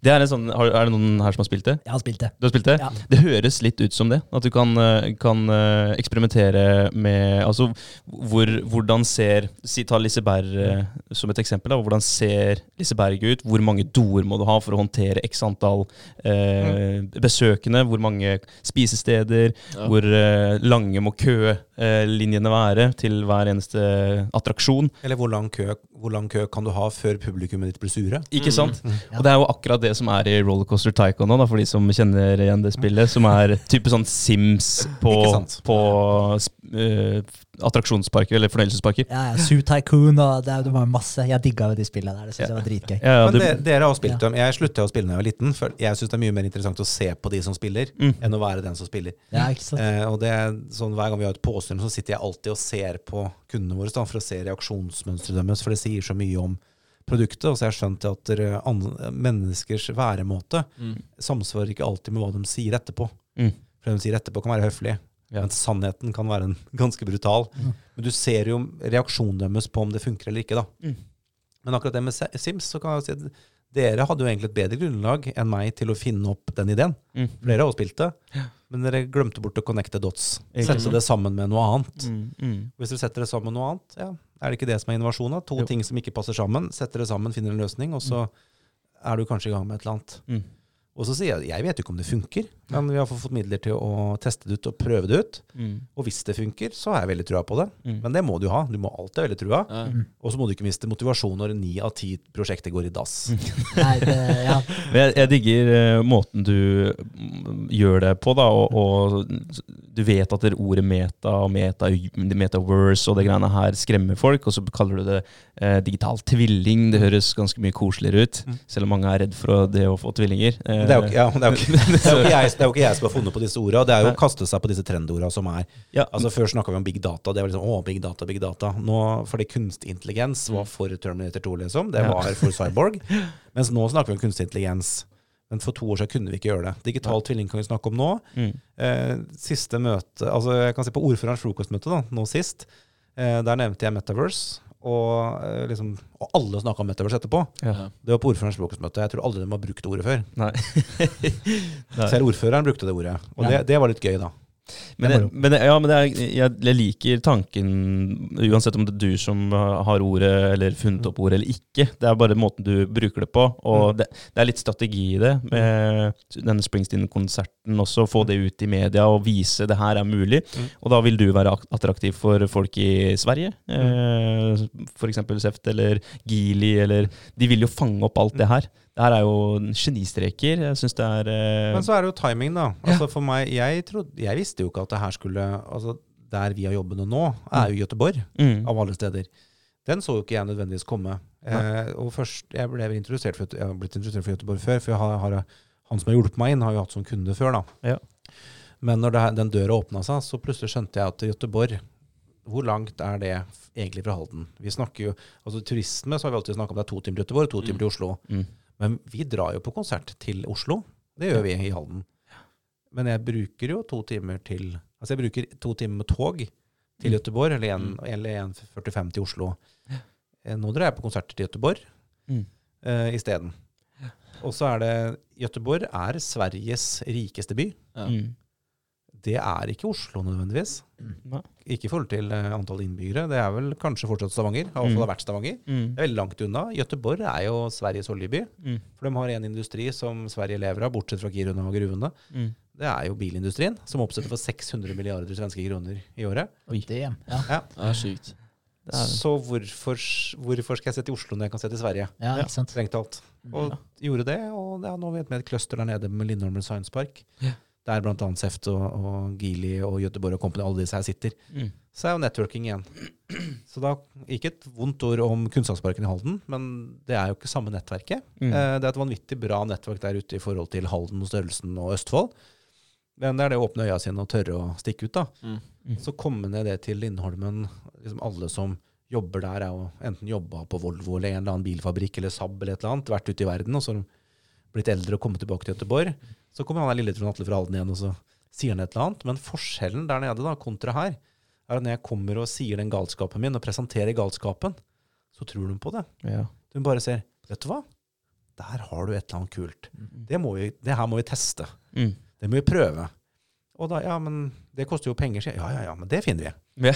og, og, og midler finner de. Og da, nei, da er det én sum her og én sum der, og så er det å prøve å teste. Mm. Og fullstendig viten om at der, mest sannsynlig så vil mange av prosjektene feile. Men du vil dra en slutning ut av det, og du vil dra med deg kompetanse som vi kan bruke for senere. Mm. Ja. Og for dem så er det så enkelt at hvis, ikke en bil er ordentlig krasjtesta før han settes ut i produksjon Så ja, det er ti milliarder. Ja. Ti milliarder svenske kroner koster å krasjteste en bil. Mm. Ti shit. milliarder, det er før bilen kommer ut. Ja, det er jo helt sykt. Ja, det høres så mye ut. Men så kan du begynne å regne hvor mye koster en bil, hvor mange omsetter du, hvor mange selger du. Ja. Og så begynner du å se at regnestykket var ikke så gærent likevel, i forhold til at hvor mye koster det at ett menneske dør i bilen din. Ja. Mm. Mm. Og hva er den negative konsekvensen markedsmessig, at noen dør i en Volvo eller en Opel eller whatever. da. Mm. Det er verre. Ja, blir det brått eh, ti milliarder lite. lite. I, I den sammenhengen så Ja. blir det veldig lite. Mm. Eh, og for meg, den overgangen ditt da, det siste halvåret Nå, nå snakker vi ikke 100 000, nå snakker vi millioner, på en måte. Mm. Men det er en som kjenner meg litt igjen, for jeg snakker om bedriftsøkonomi kontra privatøkonomi. Det er egentlig veldig, veldig lett. Stryk de to siste nullene, Mm. så er det ganske likt. Mm. Som regel. Ja, altså er det 100 000 eller 10 000, da. 100 000 bedrift, ja, 10 000 privat. Mm. Eller 1000. Kommer litt an på livssituasjonen. Er du Ja. student, så er det kanskje 100, da. Ja. Ikke sant? Ja, men altså, Du må bare få det forholdet til tall, da, og så skjønne at det, sånn er det. Mm. Og da må du jo ja, da må du tørre å spille det spillet deretter, da. Mm. Ja. Men, men føler du at da Hvis du Tenker du på Sverige som et, et bedre eller lettere, lettere miljø å jobbe i som en gründer? Er, det, er, det, er folk litt mer åpne der, eller er Nei, det tror jeg ikke nødvendigvis. Det kommer jo helt an på situasjonen. Mm. Det gjør det jo. Men for meg så har det nok vært akkurat nå en døråpner Mm. som er helt annerledes enn Norge. Fordi det, for bilindustrien da, Ja. er i en stor turnaround, og, og ting må skje der. Da. De vet at autonomi kommer, de vet at det er ja, måter å lage bil på må forandre seg. mm. Bare det når Porsche begynte å bruke VR til å utvikle den siste elbilen husker jeg ikke Takk. Mm. Og de brukte VR på det, så var det milliardbesparelser. Det er snakk om milliard. og det er sånn, da, da begynner vi å miste fotfestet litt, da. Mm. Men jeg tenker jo hvis Porsche sjøl sier at vi tjente milliarder på å bruke VR i utviklingsfasen, da stemmer nok det. Mm. Eh, og hvis de brukte milliarder, så har de kapital til å gjøre det, og de sparte milliarder. Kan tenke deg hva det kosta før. Mm. Og da tenker jo jeg at hvis jeg er så god på connected dots som det har vist seg at jeg kanskje er, hvis jeg ikke griper den sjansen, og ikke tør å ta den sjansen, og dra til Sverige og tør å si hei, Mm. jeg har noe å bidra med, og tro på det sjøl, Mm. så er jeg jo idiot hvis jeg ikke tør å prøve. Ja, ja. Ja, ja. Og så får heller da folk her synes at nå ble du litt høy og mørk, eller nå ble du litt for på, da. Men prøver jeg ikke, så hva, hva kan gå gærent da? Det verste som kan skje, er at jeg kom med en idé som det ikke ble noe av. Mm. Ja. Prøv igjen, da. Nettopp. Og så er det noen som syns at du er litt for gæren underveis, og det er vel ikke nødvendigvis de du skal samarbeide med, da. Mm. Men det, men det er jo sånn, hvis du ser på, på de eh, Ja, teknologien i dag, den er jo veldig grei å ta som et eksempel, for den har jo virkelig skutt fart. Hvis du ser på mye av de tinga som vi har i dag, og hvis du spoler tilbake 40 år, da, så, så de som snakka om dem her, de ble jo sett på som gale. Men mm. når vi ser hvor vi er i dag, så er det jo veldig veldig mye av det som er på plass. Og kanskje på noen områder har man kanskje kommet mye mye lenger enn det man egentlig trodde. Og på andre områder så kanskje man er litt, Mm. litt lenger tilbake. da. Men du ser jo, du har jo ja, visjonærer som Musk, da, som Mm. eh, skal frakte oss til Mars etter hvert. Så, så liksom, vi er, vi er faktisk der. Det er hvor visjonært visjonært er det? Han, E- han Elon. Hvor visjonært er det å komme til Mars? Det har vi jo snakka om i så mange år. Ja. Fortsatt, det er jo bare å gjøre. Ja, Ja. det er bare, bare å gjøre. Men, eh, nei, men det er helt utrolig. Så, så det er jo noe med det. Og, også, og ja, han også drev jo ja, Kanskje litt sånn eh, litt Musk her også, egentlig. da, fordi han også drev jo når han var liten og snakka om disse ideene. og, og han, altså, han også var jo langt forut for sin tid. Mm. Men nå har han jo muligheten og midlene til å, til å Ja, er realisere noe av det. da. Midlene, ja. Yes. Ja. Ja. Jeg har ikke solgt huset ennå. Det er utrolig kult. Men, men hvis vi går litt tilbake til den, her, eh, den eh, modellen din, altså, for du snakker om litt mer de konkrete tinga som, som kanskje ikke er altfor langt fram i tid, eh, som man kan få til med en sånn modell. Men hvis du, hvis du på et litt mer svevende plan, hvis du skal, hvis du skal Vi ler ikke av deg. Hvor, hvor er det du på en måte 10 år, 20 år fram i tid? Hvor er du hen med den eh, modellen din? Man skal aldri spå fremtiden, for man blir jo aldri som du spår. Så tar folk det, det på det etterpå. Mm. Men at en digital utvik, altså en digital extension, da, eller en, en Nå husker jeg ikke det norske navnet engang. Eh, en eh, digital forlengelse av deg selv. Mm. Det har vi jo sett komme lenge. Altså nettroll, f.eks. Eller din identitet på internett.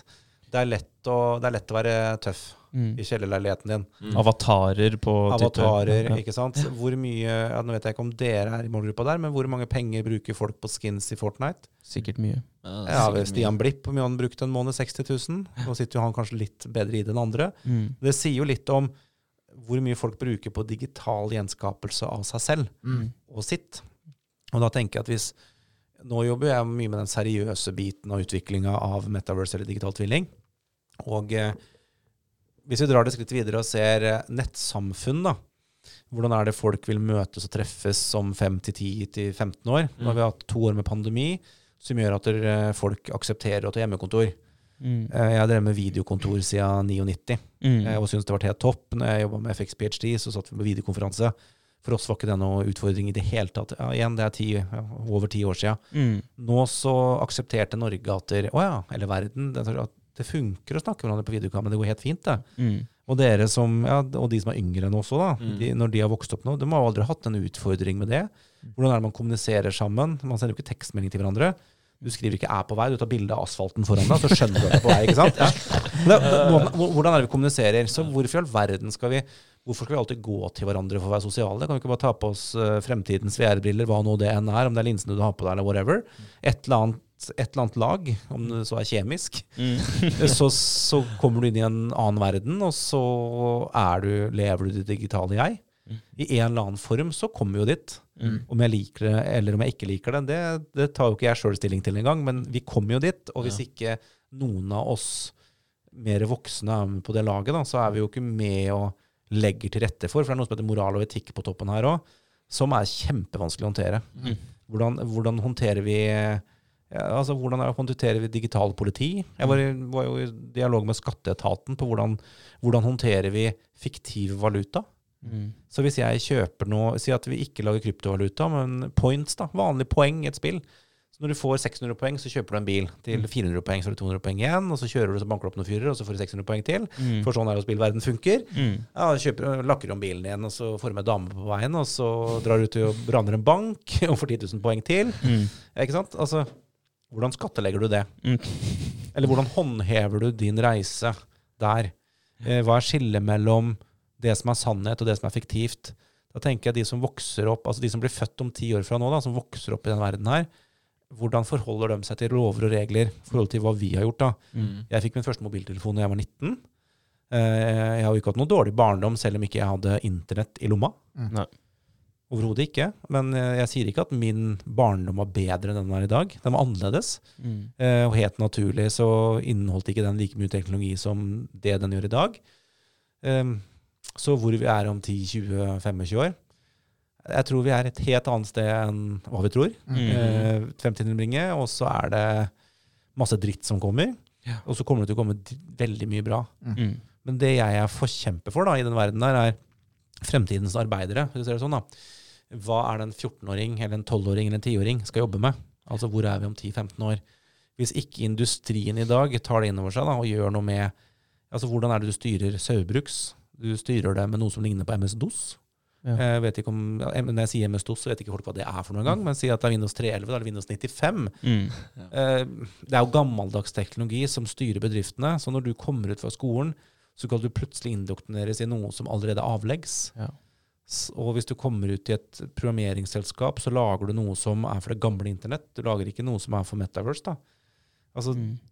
Hvordan skal industrien forandre seg slik at fremtiden blir riktig? da? Og så blir da ofte bedrifter styrt av oss over 40, Mm. og det er jo ikke nødvendigvis bra. For det er jo 16-åringer som vet hva de vil jobbe med. Mm.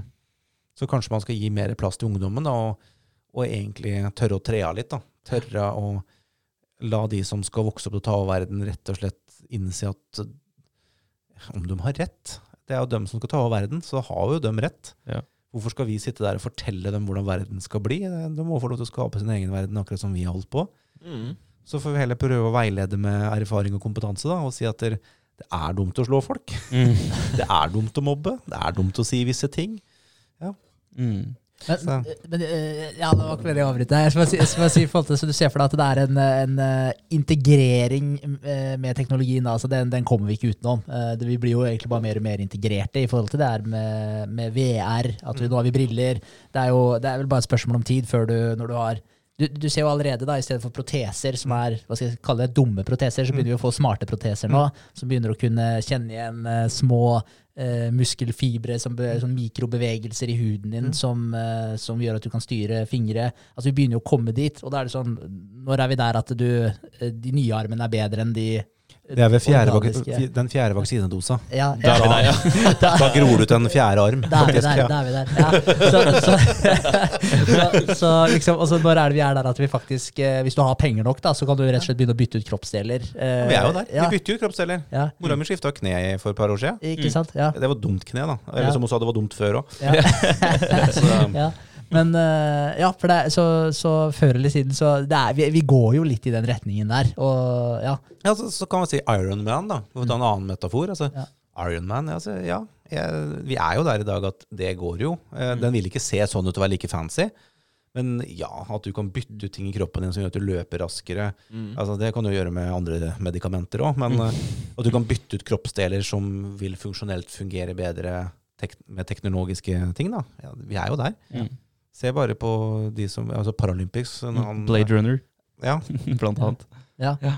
er Neuralink, Elon Mm. Musk der også, da, Mm. Ja. jeg på å si, med integrasjon med teknologi og hjerne. Så ja, vi er, vi er jo litt på vei dit. Jeg merker at jeg, jeg blir jo litt freaka ut. da. Jeg, jeg ser for meg altså liksom når Meta, når Mark Zuckerberg sitter og snakker om at der, han skal skape den mm. det, ja, metaversen der, da. At du skal gå rundt med disse eh, VR-brillene i den virtuelle verden og kommunisere med folk og, og samhandle.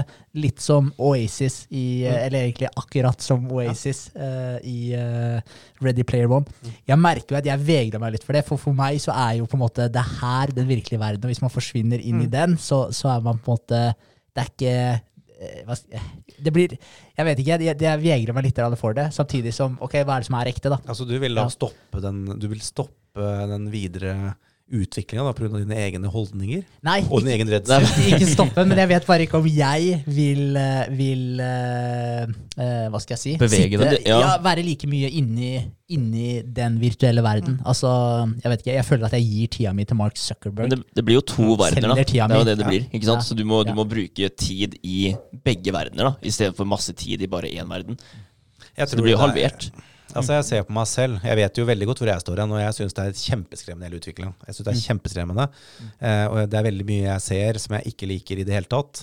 Men det er enda, det er også en grunn til at jeg engasjerer meg så mye i den. For jeg har lyst til å være med og forme den. For jeg ser også at det er veldig mye, veldig, veldig mye bra. Mm. Utrolig mye bra, og jeg tror det er mye ting som er bedre innen den teknologiske fremtida enn dårligere. Mm. Eh, Men da må jeg kjempe for at de gode tinga kommer frem. da, I hvert fall de tinga jeg tror på. Og så får vi se hvor stormannsgal jeg blir, da, om jeg tar Mark Zuckerberg og Trondverse. Jeg gjør det. det er, Tabverse, ja. Ja, jeg, begynte, jeg, tør, ja. Jeg gikk jo et skritt der, ja. Sant det. Jeg tar meg, ja. Sorry.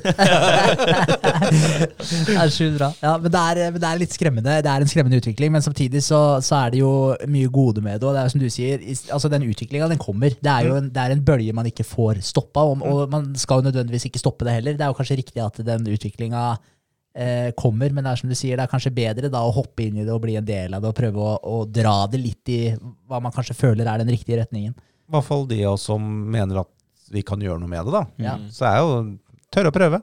Ja. Det er jo det. Og det, som sier, hvis ikke du gjør det, så er det noen andre som gjør det. Mm. Tar ikke du den business-sjansen, så er det noen andre som gjør det. Så ja, det er jo det. Fordi, sånn er å leve, liksom. Du vet ikke hva som kommer rundt neste sving. Du må prøve.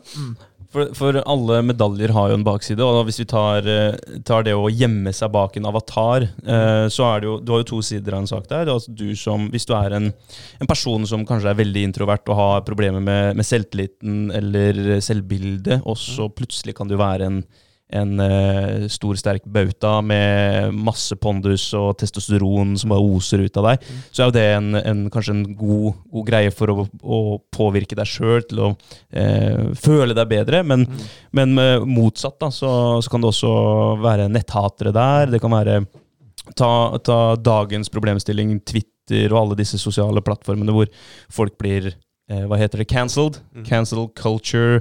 Eh, doxing, hvor man utleverer personlige dokumenter eller adresser eller informasjon. Eh, så det er, det er jo mange elementer som man må ta med her. Jeg liker at du har fokus på, på moral og etikk, og, og at, den, at har lyst til å være med og bidra eh, i den retningen. Men eh, det er jo det som jeg syns er litt skremmende, at min realitet, den jeg jobber med, min versjon av meg, er det på en måte eh, den biologiske kjøtt, eh, kjøtt og blod-versjonen, eller er det den eh, eh, som er mange biter av et eller annet eh, digitalt eh, der ute? Det, det er vanskelig å si. Mm. Men jeg tror sånn som vi mennesker fremstår i dag biologisk, det tror jeg nok vil forandre seg på en eller annen måte. Mm. Men det er jo fordi vi mennesker har forandra oss på en eller annen måte. Altså, Du trengte ikke PT-er på 1800-tallet, for da jobba vi. Mm. Ikke sant? Altså, Ja. Ting forandrer seg jo. Så ettersom verden forandrer seg, og vi slipper belastningsskader, er jo en annen måte å se det på, Mm. så er, har jo vi mennesker fått en høyere levealder. Mm. Eh, som er positivt for eh, hvert menneskes opplevelse, men ikke nødvendigvis positivt for befolkningsvekst. ikke sant? Så det er sånn Det er så mange Det er gode poeng, for vi har jo vært eh, Før vi ble Homo sapiens, så var vi noe som het Homo erectus. Eh, så var da, det var da vi begynte å, å reise oss opp. Eh, og så fikk vi Da så vi først i trærne. Jeg har lest litt i den boka til han eh, Matthew sjøl. Ja, ja, ja. Eh, og, og vi sov jo i trærne for å unngå å bli spist av, av ville dyr eller bitt av insekter som var eh, giftige. Hvis du ikke har en religiøs, religiøs overbevisning da, om at det var Adam og Eva som var den første. Det kan godt hende. Det, kan godt hende. Uh, og så- og så fikk vi laga oss et bål som gjorde at vi kunne klatre ned fra trærne. Og da fikk vi eh, også jaga bort disse skumle dyra. Og så har vi hatt en utvikling uh, sådan, da. Men så kom jeg til poenget som du hadde nå, med at vi er i konstant utvikling. Og hvem vet om vi faktisk uh, etter hvert eh, altså blir mer og mer krokrygga, bruker mer og mer type en Segway-variant for å komme oss fra A til B. Vi trenger ikke bevege oss, vi trenger ikke de, den muskulaturen. Vi blir gråere i huden, for vi sitter inne med disse brillene på. Eh, vi mister, eh, vi mister genitaliene våre, fordi vi, vi kan bare dra ut en dråpe av meg og så sette sammen en annen dråpe av en annen person, sånn at vi kan reformere oss på en, en helt annen måte. Det er ikke noe hyggelig, da. Det er ikke noe hyggelig. Skummel tankegang, altså. Det. ja det freaker meg Må ut ikke miste Det er- må Det er som vi snakka om før vi skrudde opptak. da Vi må ikke miste kosen med noen barn. Ja, det snakka vi om i stad. Men, men det, bildet jeg, det bildet jeg maler nå, da, det er jo på en måte et, eh, et bilde som er kjent hvis du søker på uh, Alien, The Grace. Yes. Altså, det, det er en grå versjon av mennesket uten genitalier, og som vi ikke helt vet hvordan er, da. Kanskje, Og- kanskje litt stort hue, tynne armer, tynne bein. Har ikke noe, ja, Vi bruker ikke kroppen, men vi stimulerer hjernen hele tiden, så den vil fortsette å vokse. Så det er VR-briller sin feil. Steven Spielberg hadde rett. Yes. Det er, det er filmen over alle filmer. ET. Dog var den ikke grå, han var brun. Det er verdens herligste fyr. Ja. Så, det- så det er troa di, da. At vi fortsatt kommer til å være jævlig herlig. Ja, ja, mennesker er jo herlige. Vi kommer aldri til å gå av moten, vi mennesker. Vi bare kommer til å oppføre oss og være annerledes, tror jeg, da. Ja. Og jeg tror ikke, jeg tror ikke på noen skrekkscenarioer, nå. Altså, jeg, nå vet ikke jeg noe tall på det, men jeg, jeg oppfatter jo som at verden har et større fokus på sunn livsstil. Så det skulle ikke forandre meg at, at vi mennesker beveger oss gjennomsnittlig mer nå enn bare for ti år siden. Mm. Mm. Um, dog på et uh, helsesenter, uh, treningssenter istedenfor i jobbsituasjon. Ja. Eh, Er det så gærent, da? Altså, mm. Noen driver butikk på kroppen din, og noen mener på hvor du skal trene ute. Mm. Ja, Du holder deg i fysisk form, som du gjør gratis utendørs, eller betaler penger for å dra på treningssenter for å være opp til hver enkelt. Mm. Ja. Så ting bare forandrer seg. Er- sånn er det. Eh, Godta det. Ri bølgen istedenfor å stå og bli trøkka ned av bølgen istedenfor. slutt, slutt å klage. Vær med å lage en forandring. da. Slutt, Ja. Istedenfor å sitte der og hate og lage livet ditt surt for deg sjøl og folk rundt deg. Så Ja. ta deg og slå deg litt i ansiktet sjøl, hvis du ikke blir krenka av det. da. Selvslag. Og så mm, ta deg i nakken og bli med og dra litt, da. Vær Ikke med bare holde fast på det kjente. Ja. Ja, er med å skape litt verden. da. Tørre å ta noen sjanser. Tørre å, tørre å være med. Mm. Ja. Ja, helt klart. Og det er den ene tanken. Det er den tanken om, sånn som du sa, at du ikke skal ha et sånt skrekkslagent scenario oppi hodet hele tiden, øh, og krisemaksimere. At Mm. du hele tiden vanner den der tanken som er negativ. Eh, for da vil du jo, du vil jo ikke bli med på den morsomme delen av livet, eh, som du kunne vært med på og, gjort en, eh, en forandring på. Livet er for kort til å hate. Det er helt, eh, helt riktig. Det er helt riktig. Og, det, og du ender jo også opp med, altså hvis du ikke hiver deg med på den, den bølgen, altså hvis det, hvis det skjer, altså som det gjør, det skjer enten man vil eller ikke, den teknologiske utviklinga, og, og mye av det er positivt, men hvis du, ikke, hvis du ikke hiver deg med på den, og du sitter der og, som du sier, hater, hater den utviklinga, så vil du til syvende og sist sitte i stolen og være bitter, og du vil i hvert fall ikke skjønne noe av det, så vil det bare være dumt for deg, fordi du ikke har blitt med på, på gangen i det. Jeg, ja, Akseptere at du har et fint liv uten den der digitale dritten. da. eventuelt. Mm. Vær fornøyd der du sitter og ser på en digital enhet. Ja. Altså TV. ja, så nei, det er poeng. Men ta besteforeldre som en, eh, eller oldeforeldre da, som et eksempel. Eh, Er de ikke med på den teknologiske utviklingen, så kan du garantere at de, de får med seg mindre av livet til barnebarn, oldebarn og, og sånt noe, fordi at det så mye blir delt via sosiale medier. Da. Så da vil man jo kanskje føle seg litt utenfor. Og, så man, man bør jo ta en liten, ja, en liten prat med seg sjøl. Har jeg lyst til å Må ikke gå lenger til besteforeldre. Det kan gå til meg. Jeg kutta Ja. ut Snapchat for to år siden. Ja. Jeg var drittlei av å se livet til andre pressa på oppi trynet mitt. For det, vi har jo ikke noe å snakke om når vi treffes lenger. Nei. Eh, og så var det også en sånn her, det her med å holde fokus. Eh, du får, det er så mange ting som skal ha tak i tida di, da, så, Mm. som skal bruke tida di. Stimulere. Ja, og hva folk spiser til middag, det trenger jeg ikke vite. Jeg trenger ikke å, å vite hva barna deres gjør. Jeg trenger ikke å vite hva du akkurat gjør nå. Det kan vi snakke om neste gang vi treffer. Mm. Og hvis du ikke husker sjøl hva du har gjort i dag, så bør du i hvert fall ikke ta bilde av det og sende til alle andre. Mm. Da kan vi snakke om det om 14 dager når vi treffes igjen, eller om et år. Mm. Catch up. Og så får vi høydepunktene. Og jeg lever egentlig godt med det. Eh, og så slipper jeg å vite alt om mor mi. Mm. For hun er jo Det er Snapchat. Men nå har, hun, nå har hun endelig fått med seg etter et par år da, at jeg ikke er der. Mm. Så nå sender hun tekstmeldinger. Da Da får jeg oppsummering. Den beste snappen gjennom uka får jeg som tekstmelding isteden. Ja, ok, ja. Men da gjør hun faktisk en innsats, da. Ja. På, dette tror jeg hun Atle vil synes sette pris på. Da sender jeg den. Og det er bra. Ja, Mm. da har hun filtrert litt. Ja, hun Ja. filtrerer for meg. Ja. Ja, Mye bedre. At jeg ikke sitter der og filtrerer hele verden gjennom Snapchat. Altså det, Mm. nå er bare Snapchat et eksempel. Jeg tror jo det på andre ting òg. Det her med det å holde litt sånn når Vi satt og pusta i stad. Det Mm. med å holde fokus. Det med å Altså, min, altså min kalender eh, Jeg elsker jo å være impulsiv, men kalenderen min er jo nå fullboka, liksom. Mm. Sånn jevnt over. Altså det, det er jo plass til ting, men jeg ble jo skremt litt i stad jeg ser dette året her, da. Så er det, det er noe i kalenderen min hver eneste uke ut året. Ja. Mm. Så kan du snu opp det og si at det er et luksusproblem. Ja, jeg har i hvert fall noe å gjøre. Jeg ser på jobbkalenderen, begynner å skje ting, liksom. Mm. Men du må ha fri til deg selv, og du må ha fri til å bare bli med på noe. Mm. Du må fortsatt ha rom for når en kompis ringer og spør skal vi skal vi dra på tirsdagsfylla. Mm. Og så må du liksom ha muligheten til én gang i løpet av ti år, da, Mm. tenker jeg. Mm. ja. Det er liksom det å være med på de tingene. Du må ikke miste å være med på livet. Mm. Eh, og da ser jeg liksom i kalenderen da, så er det de mulighetene jeg har. Ok, jeg kan være impulsiv. Hvis det skjer noe i morgen, så kan jeg alltid flytte det. Mm. Det går an å forandre ting. Må ikke glemme å leve. Nei. Ikke bli en slave for, uh, for duppedittene heller. Uh, selv om man skal være med på den teknologiske utviklingen, så må man, må man kjenne seg sjøl litt. Jeg savner ringpigging. For- Ja, ringpigging, ja. Ja. Det er en veldig bra aktivitet før i tida. Altså. Mm. Dra rundt og ringe på og se hvem som var sure. For de som var sure, de gikk ut og ringpigga på oss igjen. Ja, stemmer Så det. er ingen som, ringer, det er ingen som ringpigger hos meg lenger, da. For jeg går ut og klapper, jeg, vet du. Ja. Så det er kjempebra. Ja, men det, da, er jo, da er jo barna ute. Må ut og leker, ja. Ja, det, må jeg si. det er jo gammel og sier at dere, ja, jeg, jeg setter jo pris når jeg ser ungdommer ute og leke. Mm. Det er helt topp, det. Så når det kommer ringpinger hos meg, det er bra. Da er de ute og gjør litt gærenskap, det. Mm. Ja. Ja, ja. Godt å se. Mm. Ja, altså. Det er dritkult. Vi har, hatt, uh, har ringepinga litt, vi også. Det er, uh, Skal, ja, skal vi gå fått, fått gjøre litt det- hjertepump. Skal vi gå ut og gjøre det etterpå? Ja. Vi tar naboen. Jeg er så med, altså. Det.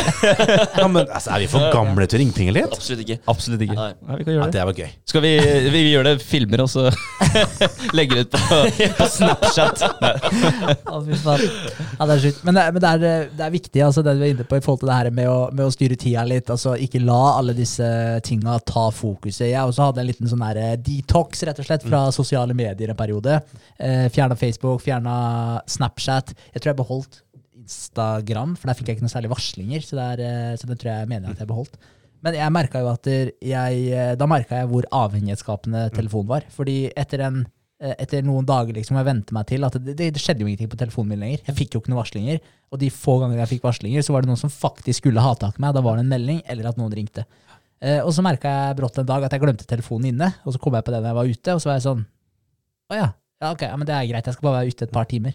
Og i dag, hvis jeg glemmer den telefonen inne, for nå har jeg jo lasta ned i tigga her igjen, eh, fem minutter ute, så er det bare sånn Oi, fuck, jeg glemte telefonen, jeg må inn og hente den igjen. For da liksom føler du at ingen liker deg, og Ja. ingen, du har ikke venner. Ja, du får litt sånn derre Outsider. Ja, jeg vet ikke. Føler seg naken. Ja, føler ikke at du er connecta lenger. Altså, sånn sett er mobiltelefonen altfor stor. Jeg er glad jeg har fått klokka, jeg, så jeg er liksom connecta med verden gjennom den. Så liksom når jeg, sitter, jeg, sitter, jeg har et band, og så var det han ene i bandet som sa Skal du noe sted, eller? Ja. Nei, nei, jeg ser på klokka hele tida. Ja. Er Derfor jeg fikk meldinger. Ja. Da fikk jeg dårlig samvittighet, så nå har jeg skrudd av en del varsling. Da. Nå er Ja. Deilig med fokusknappen. Mm. Ja. Ja, ja det, er, det, er litt, eh, det er litt viktig. For den, eh, den tar ofte styringa, den, eh, den teknologiske biten. Den, den fanger oppmerksomhet. Jeg liker å tenke på det, jeg har nevnt det her før også, i forhold til at hvis man har en samtale med noen, og så får de en melding eller får litt varsel, Mm. mens du står og prater, så tar de opp telefonen og ser på den. Og så leser de kjapt hva som står der, og så legger de den i lomma igjen. Og det, mener jeg, det er jo jævlig respektløst hvis du får en melding. Altså Når du står og prater med noen, du sier jo egentlig at det som skjer her, er litt viktigere enn det som skjer Det er ikke der. bare at du Ja. sier liksom, du gjør jo det. Ja, du gjør det, Jeg ja. skifter jo gjerne tema, Mm. men da hopper jeg litt inn i det temaet som det er det nye. Mm. Slik at når vedkommende begynner å snakke, da, så får du alltid det blikket at Nå burde jeg ha fulgt med på hva du sa, Ja, ja. Og så tør, jeg ikke å si- tør jeg ikke å si at dere ikke var med lenger. Ja. For det kan jeg holde lenge, altså. Seriøst, Ja. den er jo jævlig bra. Det skal jeg ta med meg. Det syns jeg var dritkult. Det er, det er litt sånn min humor, da. Ja. Sånn å sette ut folk der. Jeg vet jo hva som skjedde, og de tror at jeg snakker om noe seriøst. Jeg gjør ikke det, vet du. Snakker bare om tull. Ja, det syns jeg var utrolig gøy. Den, eh, den, tror jeg, den skal jeg ta med meg. Skal jeg prøve å huske på. Men du kan ikke ta opp telefonen når du snakker med andre. Da kaster jeg av sted i glasset, for jeg har jo helt sikkert gjort det sjøl. Ja, Ja. mange ganger. Ja, ja. Helt sikkert. Det blir jo akkurat som å ta opp avisa, dagens avis, og så lese litt i den mens vi står og snakker sammen. Det er sorry. samme. Det er samme. Ja, så, Ellers så kan du spørre, da. Hvis du er, har baller nok, så er det jo lov å spørre var den meldinga viktigere enn meg. Mm. Og hvis vedkommende da svarer ja, ja det er deilig svar, da. Ja. ja, ja, da, Hvordan skal ja. du reagere? Du stiller enough. spørsmål, Ja. så du ville jo ikke ha det svaret, Nei. men samtidig så befriende. Ja, Ja, fair enough. Ja, Er det- fair ja. det er fair point. Men du Jeg, gjør- jeg gjør det når jeg forhandler pris på bil. Ja. Når du sitter da og skal presentere da sånn ja, Hva sa du? Ja. Den er fin. Den er fin. Men det er jo sånn at du ser møtekultur i dag også. Jeg, jeg, jeg blir jo litt sånn Altså Det er ikke det at det, det provoserer meg, men jeg syns det er en uting i møter så sitter så har te folk telefonen sin med skjermen opp foran seg på bordet i et møte. Mm. Sånne ting, Jeg mener at det er, det er uh, dårlig møteskikk. For da er man der for å prate om en ting og ha et effektivt møte, formidle de tinga man skal, diskutere de tinga man skal, og så komme seg ut derfra. Men så har du den der, og så med en gang det skjer noe på deg, når skjermen lyser opp, så er det øya nede. Og Det, jeg det er Sier du fra da? Nei, jeg, jeg gjør ikke det. Og jeg, Hvorfor ikke? Jeg, jeg, jeg vet ikke. Jeg burde, jeg burde bli mye Det Det er jo flinkere på elefanten i rommet. Ja. Alle irriterer seg over den. Ingen Ja. tør å si noe. Mm. Ja. Ja, det er det. Jeg er helt enig. Det, det burde man kanskje bli flinkere. men, ja, men man burde bli flinkere til å si det, og, faktisk gro de ballene til, å, til Ja. å si fra om det. Jeg er 100 Jeg er helt fullstendig enig. Du vet jo at majoriteten i det rommet ville ha klappa med deg. Ja. Mm. Ja, det er godt poeng. Og den personen som satt med mobilen, Vil ville jo klappe, bare klappa til deg. Nei, vært enig. Vært enig. Ja. Som regel. Da bør vi gjøre det det. neste gang. Da. Ja, ja. Det er, eh, ja, det er et poeng, men jeg syns det er en ufin greie. Men det har jo litt med der vi er i dag. Altså, vi er veldig, veldig Hva heter det? Emerged da, i den teknologien, og det er eh, Folk ville ikke dratt opp en bok og begynt å lese i den, eller avisa, som André sier, da, og begynt å lese i den i samtidig, fordi du vet at det er uhøflig. Du vet at det er Da disrespecter du den Ja, hvis du er opptatt, hvis du er oppdratt i et sånn møblert hjem, ja. Ja. Hvis du er det, selvfølgelig. Premisset der må være på plass. Men eh, så når det er telefon, så, så gjelder liksom ikke de, de reglene helt. Det er litt sånn feilakseptert, på en måte. Ja. Mm. Det er det. Er det, er det fordi vi, det er for nytt ennå? At vi ikke har etablert normen for, eller den der uskrevne regelen for at sånn håndterer vi telefonen i hverdagen? Nei, du, det skal jeg fortelle deg. Ja. Der kom eksperten. Jeg har ikke peiling. men, men det kan hende det er litt, eh, litt sånn. altså Sånn type eh, avis, bøker, alt det her har jo på en måte Da kommer gradvis ting man leser opp igjennom. Teknologi, når det først kom, veldig spennende. Og så var det sånn kanskje når man satt og prata sammen, da, så var det sånn, så skjedde det noe på den ene tekno-duppeditten. Da var det sikkert litt større PC-er og greier. Og, Så man på det sammen, ja, kanskje? Ja, så var det liksom sånn Oi, shit, da skjedde det, liksom. Og så det var en veldig sånn gjev greie. Og så begynte de teknologiske greiene å bli mindre og mindre. Brått så hadde plass i lomma di, men de reaksjonene, de bare fortsatte. Fikk en high score på Snake og sånt noe. Det var jo helt rått. Da Ja. står folk eh, rundt deg og bare heier. 'Kom igjen nå! Ikke dø!' Ja, så, så det kan hende at det har blitt så vanlig nå. Altså Før var det såpass uvanlig at da var det greit at det fanga oppmerksomheten men nå har det blitt så vanlig at men vi har liksom aldri klart å stramme inn de normene rundt det. Nå sitter folk og ser på film på telefonen sin. Ja.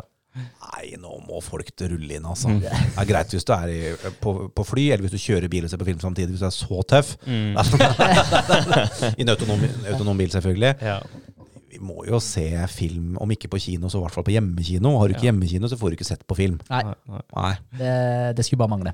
Her må vi filmskapere her må vi rettlede stakkarene dere. Altså dere det må over 42 tommer, skal Ja. det være noe. Ja, ja. Jeg har ikke sett filmen. Eller noen små briller som sitter klistra på deg. Da, så, Nei, det, nei da er det VR-opplevelse. ja. Mm. Her må jeg sette ned foten. Ja. Så jeg ser folk sitter og ser på serier sånn halvveis liggende, sånn, ser på telefon Nei da, puff.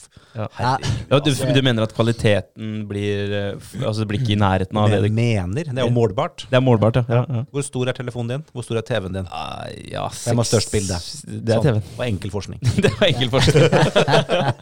Men er det målbart sånn i, i den forstand at du, du får en bedre eh, effekt av det? Altså en stimuli, da? Er det sånn målbart? Selvfølgelig, hvis du sitter i kinoen og ser da den herlige filmen med surround-lyd, gjerne Mm. Dolby Atmos rundt hele deg. Mm. Ja, selvfølgelig får du en bedre opplevelse når du ligger der og Mm. hadde ned volumet, for du tørte ikke fordi dama sov ved siden av deg.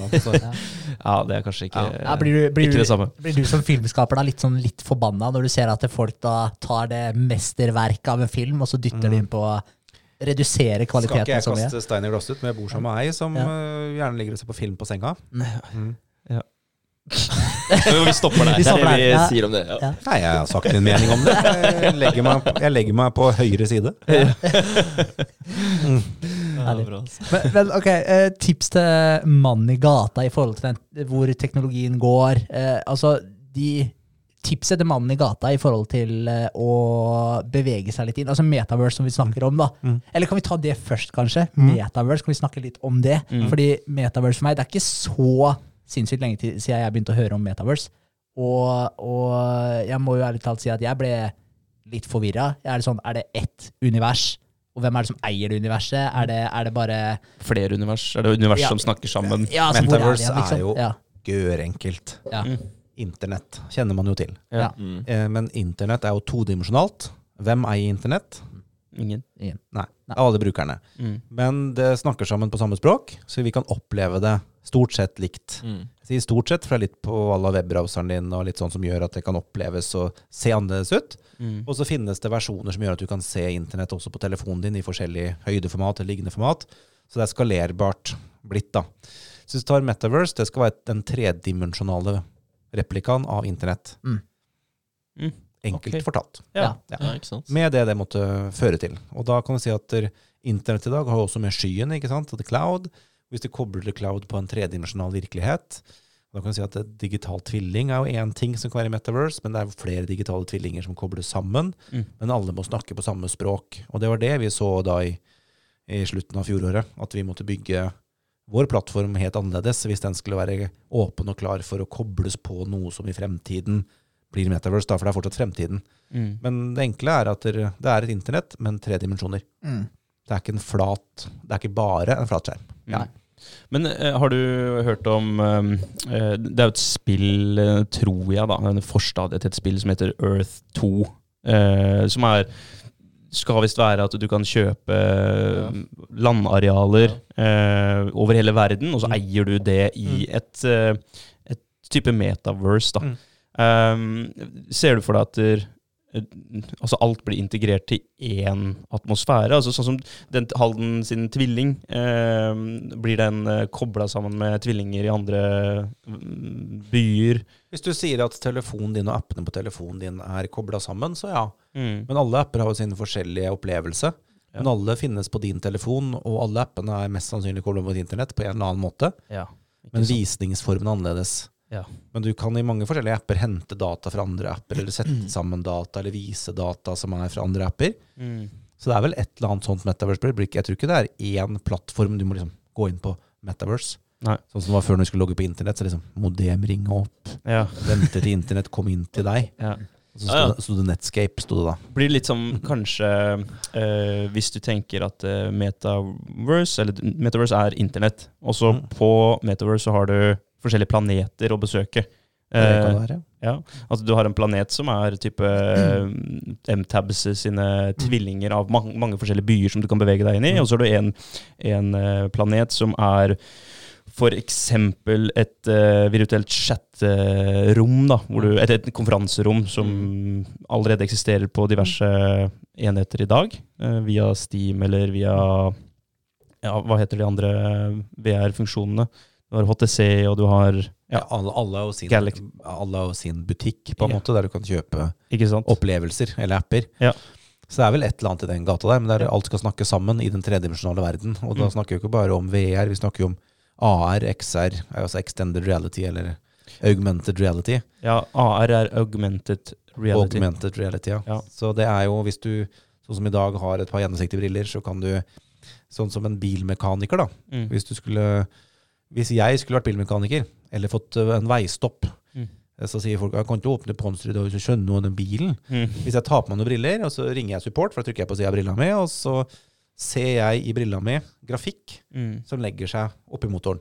Ja. Eh, Ja, Pokémon har vi jo sett det bli gjort på. Ja, Da hopper du litt gærninger rundt. Men eh, Snapchat-filter, eller Ja. du tracker ting i bildet, setter fast, det er jo samme greia. Mm. Men da kan det brukes til noe, da. Så sier, det sier han, eh, eller den der supporten, sier til deg på øret at ja, men du, da må du åpne det lokket ved den blå pila, og så ser du den blå pila. Ja. Det er jo AR. Du Mm. kan tenke deg elektrikere, da. Hvis de skal ut og koble et sikringsskap, eller koble en større, større motor, ja, si Søbruks. Du skal gå bort og ja, du skal skifte en rull på kalender fire. Mm. Eh, Så vet ikke du hva en kalender er for noe, du vet ikke hva fire betyr, og du vet ikke hvor feilen er. Mm. Tar du på deg et par AR-bilder da, så skal den kunne navigere deg til riktig sted, Mm. og hjelpe deg å, å ta de riktige delene og vise deg hvordan du skal gjøre det. Mm. Så du ser et lag av virkeligheten, men blanda med grafikk. Sånn som eh, måleverktøy på, på Apple-telefon. Det er en form for AR, hvor Mm, du kan måle objekter. Ja. Hva er eh, e, hva har du kalt det? XR, Extended Reality, Ja. det er jo det er jo en videreutvikling av det igjen. Så sånn sett så er jo det et fellesbetegnelse for VR og AR. Ok. Ja. Ja. Extended Reality det er jo bare at det er en forlengelse av din egen virkelighet. Mm. Dæven.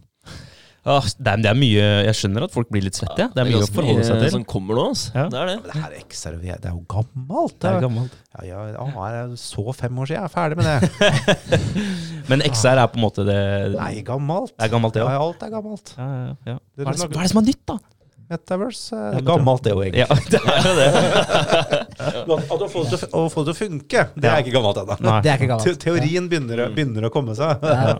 Ja. Ikke sant? Men hvis man, hvis man har lyst, da, så litt tilbake til det eh, innleda vi i stad. Altså mannen i gata. Altså, er det, hva er det man burde på en måte sette seg litt inn i, da, hvis man skal uh, ha et, eh, hva skal jeg si, en liten fot foran i forhold til uh, framtida? Har har du noen tips? Ja. Seg selv og sitt. Mm. Seg selv og sitt? Ja. Ja. Enkelt og greit. Ja, ja. Altså, teknologi bør ikke blande inn teknologi hvis du ikke har interesse for det. Nei. Men tenk gjennom hvordan er du overfor andre mennesker, Mm. og hvilken rolle har- du på jorda. Mm. Ja. Ja. Enkelt og greit. Og bare være bevisst på det, så går det vel bra, da. Mm. Vi har, heldigvis har vi alle forskjellige interesser, Mm. og vi kjemper alle på forskjellige ting. Og jeg tror at mennesker i utgangspunktet har, eh, er vel egentlig gode. Det er jo egentlig ingen som har lyst til å være nettroll, selv om det er litt latent å være innimellom og si sin mening. Men uh, tenk gjennom hvem du er sjøl, før du driver og kritiserer andre. Mm. Eh, Start der. Ja. Eh, Hvilken teknologi du skal bruke eller hoppe deg på. Det, er, det her er ikke sikkert det er for alle. Da er det ikke noe for deg, drit i det. Mm. Ikke noe annet. Vedd på hest. Ja. Det kan ha gode penger i det, altså. Veldig analogt og godt spilt. Ja, Ja. ja, godt poeng. Jeg tenkte bare med, I forhold til det med nettroll og sånn, jeg, jeg så en, eh, en eh, video, eller et forsøk Jeg vet ikke, Har du hørt om Darren Brown før? Nei, Han er en eh, sånn britisk type magiker. Han er god i psykologi. Han er sånn illusjonist. altså Har mye sånne kule show. Og Han tester ut masse forskjellige teorier og ser hva han kan få til ved å rett og slett manipulere folk. Eh, Og han skulle sjekke ut eh, hvordan anonymitet påvirker oss. Så det, det ligger en eh, film på YouTube av det her. Og han hadde da fått med en eh, gjeng i en sal, satt i en kinosal. Eh, og så ser de eh, et uh, lerret, selvfølgelig, kinolerretet, og så har de en fjernkontroll foran seg, hvor de har eh, jeg tror de har to valgalternativer. Eh, og så får alle sammen sette på seg en maske, så de får være anonyme eh, under det forsøket her. Og da har han tatt eh, en, eh, en person som blir på en måte offeret, eh, og så har han fått med kameratene og venninnene til dette offeret, så alle sammen er med på det, og så skal de da eh, være med å påvirke kvelden til han fyren her. Så, eh, så de går på en bar, og så bartenderen er selvfølgelig med på det. Det er flere inni i, inni den her baren som også vet om de greiene her. Eh, og så får de spørsmål, publikum. ikke sant? Så er det sånn Skal bartenderen søle en øl på eh, han fyren, eller skal de på en måte Eller skal de si eh, unnskyld, det skjedde noe feil med bestillinga, så dere får ølen gratis, på en måte. da. Og, og så var det flertallet som fikk lov å bestemme. Eh, Og du ser at det, det blir eh, og, det, og de legger det opp eh, De fleste tar jo da at han skal bli søla en øl på. De går nesten alltid på det negative utfallet. Mm. Og så blir det bare verre og, og, og verre, og til slutt så skal, det, så skal han fyren her bli kidnappa. Altså det går helt dit. Og så blir han eh, fyren her, så stager de at han fyren her blir påkjørt. Og, og da blir han Darren Brown også, han blir jo helt satt ut, liksom, da, og spiller med. Så, det, så han får publikum rett og slett til å føle at de nesten har drept han fyren her ved valga sine. Og det var for å lære dem en, en lekse da, i forhold til alle valga som de hadde tatt i løpet av den kvelden her. Men det var fascinerende å se hvor hva skal jeg si, hvor ondskapsfulle man blir med en gang man får på seg den maska, og man er anonym. At det da, da er det så mye enklere å ta det valget da, med å, å påføre yeah. noen eh, noe kanskje ja, Pushe det i den negative retninga Ja, Jeg for kjenner det igjen det der veldig godt fra VR-verden. Ja. Uh, og jeg tror ikke det er at mennesker er onde. Men du skjønner, og du vet, at det her er et spill. Derfor kan du gjøre det. Så Mm. vi mennesker har en evne til å skille mellom rett og galt. Men i en spillverden så kan du få lov å gjøre det som er galt, uten at det er konsekvenser. Mm. Så du tar bort konsekvensene. Du tar bort konsekvensene. Mm. Hvorfor er GTA så populært? Du vet jo at å kjøre fort og banke opp folk er ikke det du skal gjøre. Mm. Du verden så gøy det er, da. Mm. Dritgøy. Ja, Kjempegøy. Jeg kan si Vi lagde sammen med ICRC, International Committee of Red Cross, altså Røde Kors internasjonalt, hadde vi et prosjekt sammen med.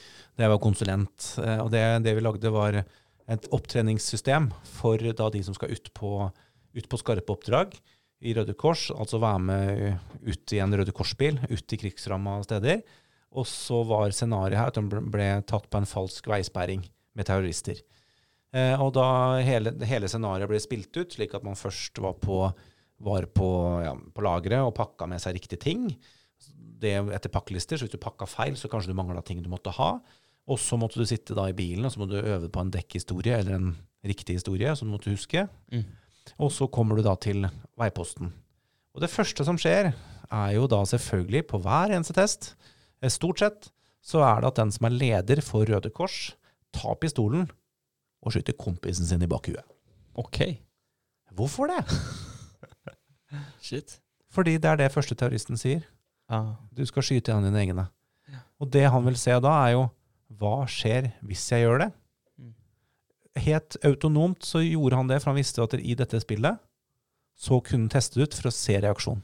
Mm. Og det tok Røde Kors en del, en del gjennomkjøring, for de skjønte at der, ja, de tar jo ikke valget fordi de skal være slemme, de tar jo valget for det de alltid lurt på. altså, du, skal ikke, altså, du skal jo aldri, du skal jo aldri ettergi en terrorist, sies det jo, ikke sant? Men Mm. i en spill så kan du gjøre det. Mm. Hvis du skyter det laget ditt og overlever sjøl, Ja. som kanskje mange mennesker Mennesker har bygd på et slags overlevelsesinstinkt likevel. Så først meg selv og så de andre. I hvert fall mange tenker jo sånn. Hvis du kvitter deg med laget ditt, da, hva skjedde? Mm. Scenarioet der bør du jo ikke spille ut i virkeligheten. Nei. Eh, så var det en annen ting vi lagde, det var som en helt annen, det var en klatresimulator. Det er at du skal klatre opp en mast. Og det var egentlig en eh, Det er sånn jeg ble kjent med han Thomas, som hjalp meg inn med Seft. Ja. Det er, han skulle da prøve å selge, eller han begynte å selge sikkerhetsutstyr. Så fant han ut det at hvis du skal selge sikkerhetsutstyr for klatring, så er det beslutningstakeren, har jo aldri klatra. Mm. Så når du viser en video på liksom, så flott av dette klatreutstyret, så viser du den filmen til noen som ikke har peiling på hva det betyr å klatre i en 210 meter høy mast. Ja. Men hvis du tok på vedkommende VR-briller, og du begynte å klatre oppover, Mm. så kommer du på 200 meter, den, den masta svaier litt, Mm. Da plutselig skjønner du at det er kanskje greit å ha sikring på. Mm. Ja. Da var det litt lettere å selge sikringsutstyr etterpå. Men det som skjer, da, er at når du står på toppen av den masta eh, Og jeg har en veldig fin video av Erna Solberg. Der står jeg og holder rundt to. Det ser ut som et veldig fint par. Eh, fordi eh, da ble Erna spurt om nå kan du hoppe ut. Ja. Og hoppa, gitt. ja. Ja. Men når hun lander på bakken, så mista hun balansen. Jeg måtte holde henne så hun ikke datt av scenen. da. det var et veldig kjærlig, koselig bilde. altså. Ja, ja, ja.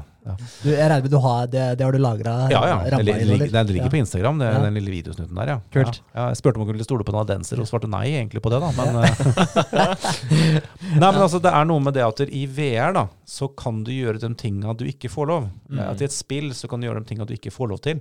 Eh, Og når du sitter i en sånn underholdningssituasjon, så er det ikke Det er jo morsomt å se andre påføre seg andre skade. Hvorfor var eh, eh, eller, mm, Hva heter den gutta som, som kom med en ny film igjen nå? Jackass? Jackass, Ja. ja. Var det så gøy? Ja, ja, Ja. Det er jo gøy å se andre skade seg. Ja. Lytehumor. Alltid morsomt å se folk som går rart, eller are rare. Det er jo en sånn merkelig tiltrekning vi har, da. Det det. Men gjør vi det fordi vi er ondskapsfulle? Nei, jeg tror ikke det. Er det nysgjerrigheten, kanskje? Ja, nysgjerrighet er det jo selvfølgelig. Altså Jo tiltrekkes også mot rare ting, men selvfølgelig er det nysgjerrighet i den derre hva Mm. hvis-konsekvensen, da.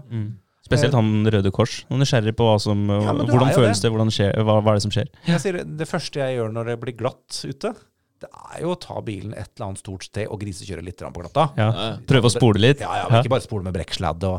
altså Tørre å miste litt kontrollen. da Mm. For å se hvordan er det bilen min håndterer det her. For det er jo tross alt et halvt år siden i hvert fall jeg kjørte på glattisen før. Mm. Kan være greit å liksom ta en oppfriskning i, i trygge omstendigheter. Bortsett fra den fortauskanten du selvfølgelig traff. da Det er bedre å gjøre det der da enn i rundkjøringa på Vaterland. liksom Ja. Vi gjør det der òg, men det bør vi ikke snakke om. Men det er veldig kjedelig når brekka blir sånn digitalt. Mye Ja. kulere før. Ja. Ja, ikke sant? Når du knapp i stedet. Ja, Ja, den er litt lei. Men du kan jo slå antispinn og tvinge den i firehjulstrekk. Det funker, det òg? Gjør det ikke? Ingen kommentar der heller. Det, Ja, det er funker, det funker faktisk på tørr grus òg. Ja, ikke sant? Ja, men det, er, det er jo den her, du du må jo, du, det er det jo læringssituasjonen, læringssituasjon, da. Og igjen, det her er fail faster. Du må Mm. tørre å feile. Og vi mennesker er jo, det tror jeg, da Vi er nok, om ikke skapt til, er liksom feil, men vi har nok en evne til å rette oss selv.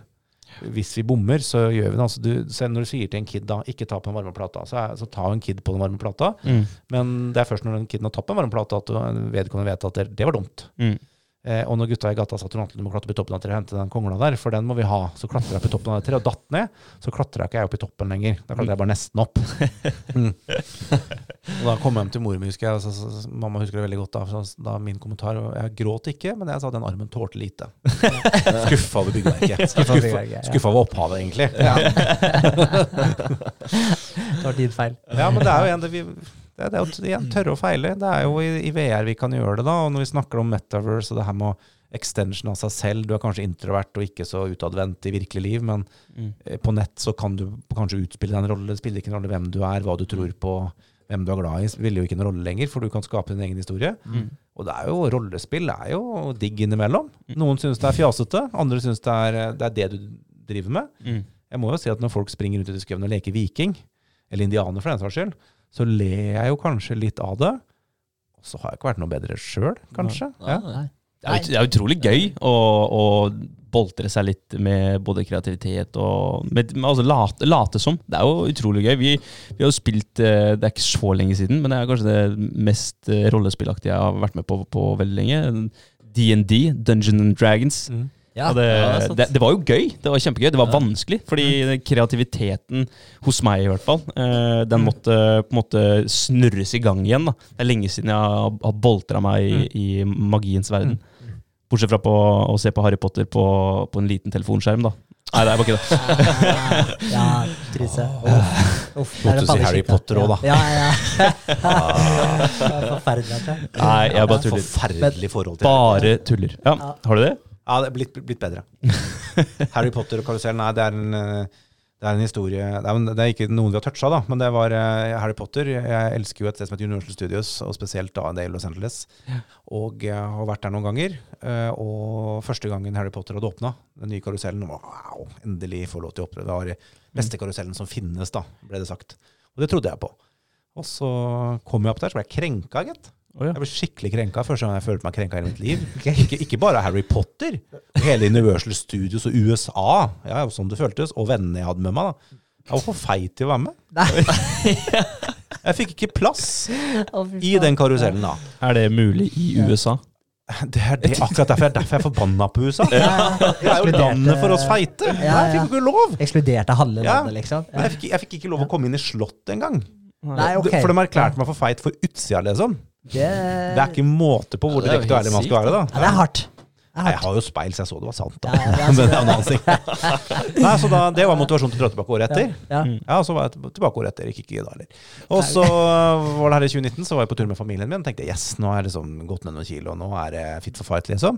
Da kom jeg inn i slottet, gitt. Og, det- Kom helt opp. Jeg da skal gå inn på skal gå inn, og da søstera mi, svoger og barna deres gikk først, og kona mi gikk foran meg, og skal akkurat trykke på den Det er jo sånn bånd som, som trekker deg mot disse ja, Du sitter på noen limpinne, da. Mm. Akkurat skal inn. Hey you, come here. Så ble jeg satt i en ny stol, da. Og da mangla jeg en halv centimeter. Så spør jeg kan ikke du bare dytte på den derre Nei, det kan ikke jeg gjøre. Men har du noen, har du noen kjente her, da? Ja, der stakk de av gårde. Nei. Så hadde kona mi bare venta da, bare dytta den, så hadde jeg fått vært med. Ai, ai, ai. Så da fikk du ikke ridd på sopelim? Nei. Nei. Så når pandemien nå ana en mulighet her i november, da dro jeg tilbake. Ja, Naila den. ja du gjorde Så, det? nei, da kjørte den. Ja, herlig. men eh, så spurte hun åssen var det. Jeg har ikke- Jeg har ikke peiling. Det- Jeg husker ikke en dritt. Jeg var så fornøyd med at jeg fikk lov å kjøre karusell. Så jeg glemte, jeg har glemt, glemt bort hele. Så da når jeg kom hjem da, så bestilte jeg en ny tur. Det blir nå i november. Ja. Så da skal jeg ta den. Prøve å få med deg opplevelsen også. Mm. Ja, da skal jeg prøve å få med Ja. Ja. Ta Nå med vet, nå vet, du, ja, du vet hvor du må ligge òg, sånn uh, vektmessig. Ja, ja, ja, ja, ja, ja. Da, Ja. Har jeg kontroll på det. Da er dimensjonene Ja, ja. på plass. Og, ja, Det håper jeg. ja, ja. Vi kan snakkes i desember. ja, ja. Det var en sjuk reise, egentlig. Ja.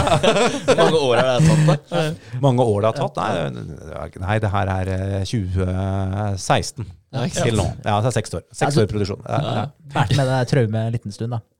Vært med og trømme en liten stund. Men Ja. nå så er det en ny Jurassic World. Den fikk jeg, den fikk jeg oppleve sist. Den er bra. Og så er det kommet enda en ny. Eh, en ny eh, den nye nå er Lego-verden. Ja. Så den håper jeg åpner i sommer, da. Mm. Mm. Mm. Det blir spennende. Ja. Ja, Ungen Universal Studios. Det er jo, det er jo godteskåla mi. Ja. Ja, ja. Så kult. Ja, du har vært en del turer over. Jeg har blitt et par. Ja. Ja. Et par, par tre år, ja. Mm. Ja.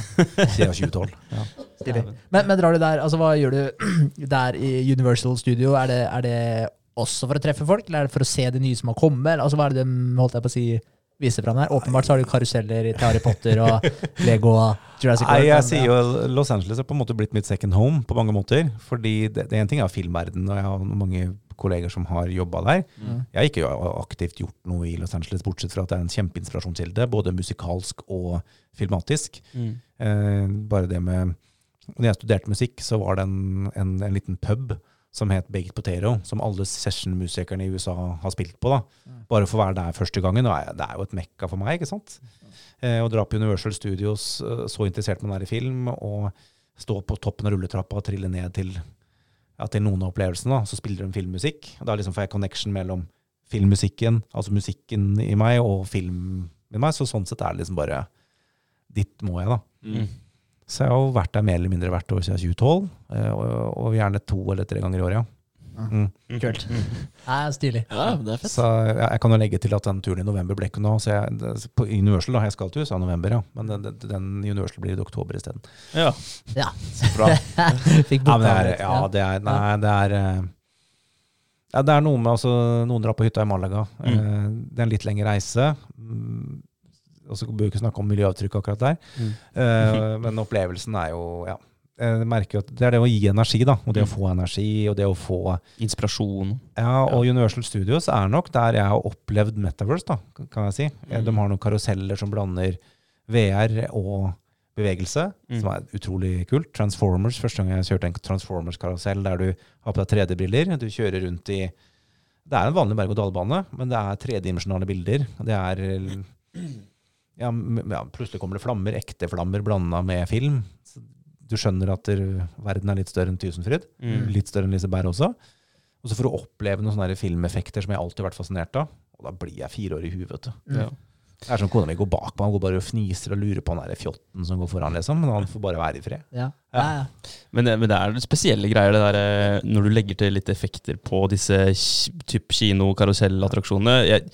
Kalles det 4D når du har uh, ting som skjer rundt deg samtidig, eller? Ja, Det kalles, det kalles et eller annet som gjør at du tar den karusellen. ikke sant? 4D var vel veldig populært å kalle det en periode, ja. Ja, men det er ganske mange år siden. Jeg husker jo det. Jeg var på en sånn Honey I Shrink the Kids-attraksjon, og da var det eh, selvfølgelig 3D og, og surround. Mm. Og så hadde du også noen effekter, at det spruta vann i trynet ditt når hund eller et eller annet nøs. Så du kjente at det snørret traff deg i trynet. Så kjente du bevegelse under føttene når det var noen mus som uh, løpte rundt deg. Og det er veldig, veldig sykt hvor, eh, hvordan du blir ikke er satt ut i en sånn situasjon. Ja, ja. At ting Men ville du sett Fast and the Furious, The Holographic Experience? Du ville jo sett den. ja. Det er klart det. Ja, den er fet. Ja. Den er fet. Ja. Ja, Å ja, du har sett den? ja, ja selvfølgelig. Ja, ok, ok. Herregud. Jeg er jo idiot.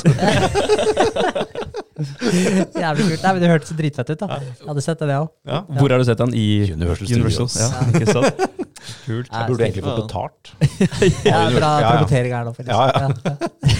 Du når jo ekstremt mange folk gjennom Norges nest største podkast også. Så Jeg liker den. ja, Ja, Nydelig. det er bra. er vi kult. Er det noe vi skal legge til? Jeg ser jo tida, den flyr jo som vanlig i godt lag. Mm. Er det avslutningsvis? Eh, nei, men du kan kanskje si hvor hva- er neste steg for deg, og hvor finner man deg hvis man lurer på, på noe? Uh, både på i det store universet og metauniverset og sosiale medier. Nest, jeg kan starte Neste steg for meg, det, det er jo bare å gjennomføre esoterikalenderen. Ja. Slik at jeg kan gjøre alt andre jeg vil i tillegg. Da. Nei, det er jo å fullføre de prosjektene vi har begynt på, da. Ja. eh, Og se hvordan de går. Og forhåpentligvis så tror jeg Jeg, jeg tror jo suksessraten vil være rimelig høy. Mm. Eh, om man får den anerkjennelsen, den størrelsen, det får jo gjenstå å se. Det, er- det er timing, så det vet man jo ikke. For vi er fortsatt tidlig ute. Det er sånn Ja, det, man vet ikke. Så selv om vi får en autonom taxi til Halten, så er det jo ikke sikkert at det genererer turisme hit, liksom. Sånn sett. Eh, selv om vi snakker om at det kan være Altså det er et potensial for at Halden blir et nasjonalt, altså et internasjonalt testsenter for Mm. opptrening av autonome biler. Ja. Ja. Um, så det er ikke bare én bil. Uh, jeg vet jo at Seeker, som også er et Geely-eid selskap, eh, som bare har én bil per nå, skal ha i 2020, nei, 2025 så skal de ha, ha produksjonslinja si ferdig. Eh, da skal de begynne å produsere bilene. De trenger et testområde for autonomi generelt. Norge har et annet regelverk på autonomi enn resten av verden. I Norge så er det at en autonom bil skal være tilsvarende eller bedre enn det som eksisterer i dag. Mm. Altså det er lov å gjøre feil. Ja. Mens EU-direktivet sier at det er ikke lov. I det hele tatt det er nulltoleranse for feil. Okay. Så i Norge så åpner man for at det kan skje ulykker da, med en Mm. autonom bil. Mm. Men Norge sier også at det må være en operatør, ikke nødvendigvis en sjåfør. Nei, det må det være må en være en som sitter der. Ja, Det må Ja. være en som kan trykke på den stoppknappen, liksom. Ja. Mm. Men kan den uh, være uh, ikke i bilen? Kan den sitte på et sentral? Nei, den skal sitte i bil. sitte i bilen. Må ja. være i bil. Okay. Her nå. Ja. Ja. Eh, men Norge er jo interessert i å se om det er nødvendig òg, da. Så Mm. Sånn sett så har vi et potensial. Du har Uh, hva heter det, ikke Rovaniemi, men oppe i Sverige så har de et testsenter der stort sett alle verdens biler testes på glattisen. Ja. Det er alle drar dit, og det, er jo, det holder jo den lille byen i gang. Mm. Ja. Omsetter for millioner av eh, kroner. Ikke sant? Hver vinter så skal alle selskaper opp dit og teste bilene sine. Det hadde vært kult om du var Haldens helt og dro inn de millionene hit i autonomi og, og biler. Da. Ja, men altså, ja, og nå ser jeg innser jo det at sannsynligheten for at det skjer, det vet vi jo ikke ennå. Men nå har vi i hvert fall en mulighet til å kunne få det til. da. Mm. Og hva trenger du for at én autonom bil skal være her? Jo, du trenger jo et uh, team på 50 mann. da. Mm. Som regel det er det de har i Sverige på glattisen. Da Der, Da er det en verkstedhall med den bilen og 50 mann som jobber på den, den perioden de tester. Yeah. Og det er 52 uker i året. Si at du klarer å fylle 30 av dem, da. Mm. Og gjerne biler samtidig, og Mm. flere merker samtidig. Mm. For her samarbeider man jo. Altså har du funnet, og det som er at Halden har, har alle typer veier. Har brosten, har sand, har asfalt, bra gater, dårlige gater. Så takk til Halden kommune som ikke reparerer alle gatene. da. Endelig Ja, vi, har, vi har trange, trange smug, altså, vi har bakker, og vi har ikke minst fire, delvis fire sesonger. Mm. Mm. Mm. Vi har glattis, vi har slush, altså vi har sommer, vi har regn. Eh, Et av testene vi har gjort nå, er å kjøre autonom bil eh, i vanndammer Mm. eh, for at bilen skal lære seg igjen tjenestetilbud. da. For det er et tjenestetilbud å ikke sprute på Myke trafikanter. myke trafikanter. Mm. For det, en bil i seg selv tenker jo ikke på det. Det har jo ikke noe med autonomi å gjøre om du kjører en vanndam eller ikke. Mm. Men et av tjenestetilbudene er jo da å vite at det er en vanndam. Mm. Da svinger jeg utafor. Mm. Ja. Så det trener vi inn på nå. Ja. Fett. Ja, hvis det kommer en bil imot samtidig, så har du enda et eh, problem du må ta stilling til. da. Vi har en film på det der vi krasjer. Ja. så det, Det skjer. ja, det, skjer. Ja. ja så det, det prosjektet der har jeg veldig troa på. For det, ja, vi har fått en god del støtte og velvilje. Spørsmålet er jo om Altså, jeg kan ikke drive en garasje. Jeg kan ikke skru bil engang. Mm. Så der må noen på. Eh, og der har jeg fått noen interessenter, så vi får se. Mhm. Andre er jo det her eh, prosjektet, altså det økonomiprosjektet. da. Hva skal til i dette kulturlandskapet? og eh, Hvordan kan økonomien være i en digital tvilling hvis du får inn et hotell, eh, en ny restaurant, et bakeri, som vi snakka om. Det er et kjempespennende prosjekt. Um, og så er det jo filmbiten, da. Vi har jo ikke snakka egentlig noe om filmbiten. uh, og det, det er jo det som har firmaet til å gå rundt. da. Det er jo at vi gjør masse bedriftsfilmer. Uh, ja, Gjør det litt annerledes enn andre. Vi filmer ikke og legger på musikk, og så kaller det en film. Mm. Eh, det er, det er eh, ja. Ja. Det er også bilder. Ja. En film er det ikke. Mm. Du må ha en historie. Du må Mm. ha noe mer enn bare den musikken. Noen som forteller noe. Gjøre noe annet. Altså Vi lager den type filmer nå, men det er sånn Så det kommer vi til å fortsette med. Så ja, så håper jeg jo på i hvert fall 15 ansatte, da. Eh, nå har vi fått fem. Eh, De sitter jo ikke her, dessverre. Mm. Sitter i India. Å ja. Ja. Ja, ja. Mm. Det er jo trist, men samtidig sånn er verden. Skal vi være konkurransedyktige, så må vi se hvor, ja, altså hvor er arbeidskraft, hva koster arbeidskraft. Eh, Ja. Vi, kan ikke betale 1,5 millioner som er en årslønn for en tekniker i Silicon Valley. Det går ikke. Nei. Men eh, 250 000 i året for en inder med senior, Mm. ja. Mm. Så må man jo se de utfordringene det er, så de jobber på et prosjekt, men det er prosjektbasis, da. Mm. Så får vi se. Og så hvor gærent kan det gå? Hvor gærent kan det gå? Hvor gærent kan det det gå? sant, Ja. Sikkerhetsnett Norge, uansett hva du gjør, og uansett hvor til helvete det går, så går ikke verden at å lande på bena. Det er et poeng. Så Mm. kan det hende at noen syns du er en idiot. Ja, det vil vel noen synes uansett. Ja. Får jeg, ikke gjort Ja, ja. Noe, jeg får ikke gjort noe med at folk ikke skjønner at jeg er en fin fyr. Nei, det er deres er problem. fin innstilling. Ja. Veldig bra. Hvor finner man deg, Trond Atle? Eh, Kontorene våre er jo da i sjette etasje på um, Halden brygge, som det heter. Eller sjette plan. Det er over bryggerhuset. Ja. Eh, Det er kynningsroller til. Ja. Ja. Ellers så er det jo bare å søke meg på internett, så tror jeg du finner det ganske greit. Ja. Har, du Trond Atle- Bukkerød der, altså. ja. Har du noen type kanaler hvor du promoterer litt det du jobber med, og viser litt eh, fremdriften? Absolutt alle bortsett fra Snapchat. Ja. Ja. Ja. Og så tok jeg med nå å si absolutt alle, så vet jeg at vi ikke har fått websidene på plass ennå. okay, ja. Men ja, MTabs, finner finner overalt. Og ja, vi er på Instagram og Facebook og LinkedIn. Mm. Og navnet mitt er jo bare å google, så finner man Det meste. Ja, jeg velger å leve som en så, så godt som åpen bok. Skal jeg drive og være en sånn ambassadør for Metaverse, så må jeg jo tørre å stå i det, med de konsekvensene det har. Ja. Mm. Så jeg skifter jo visakort hver uke, ikke sant. ja. Utrolig bra. Ja, det er bra. Nei, du, det har vært eh, utrolig kult å få prate med deg og litt eh, innsikt i det du driver med. Det er jo kjempespennende. Mm. Eh, Ja, veldig. Så må vi sette opp en del to for å ta tak i Storyteller, Tom Atle. eh, og, og det som har skjedd siden sist, da, eventuelt. Glemte å snakke om musikk og Ja, ja. Ja. Ja, ja. Nei, vi må ta en del to. Det er mye å ta igjen her. Og så blir det veldig spennende også å ja, høre litt. da. Jeg håper vi kan ta en del to en eller annen gang, sånn litt i framtida, når, eh, ja, når prosjektene dine har når det har eh, skjedd noe. Ja. gått litt videre. Så ses, ses til søndagen, da. Ses til da. Neste søndag. Men uh, vi må definitivt ta en uh, liten uh, prat igjen. Det Mm. syns jeg absolutt, for å høre litt hvordan det her går. For det er jo kjempespennende. Utrolig kul utvikling. Og så må jeg si at de som har klart å lytte seg helt frem til nå, Ja. de er jo tålmodige. Ja. Det, det har jo vært en, en podkast i digresjonenes verden. At dere har klart å liksom holde oss sånn cirka til Ja, det er ikke så verst. Nei, Men det det ble en sånn halvveis rød tråd gjennom den praten her. Ja, ja. Ja. Altså, vi er ganske gode på digresjoner, det, det skal sies. Men vi klarer som regel å hanke det sånn tålelig inn igjen. Ja. Ja. Ja. Ja, det er bra. Også til deg som lytter fortsatt i to timer og seks minutter inn i podkasten. Bra jobba. Og er det bare to timer og seks? Du Ja. 2.30, da har vi 24 minutter igjen, da jo. Ja. ja, da er jeg klar.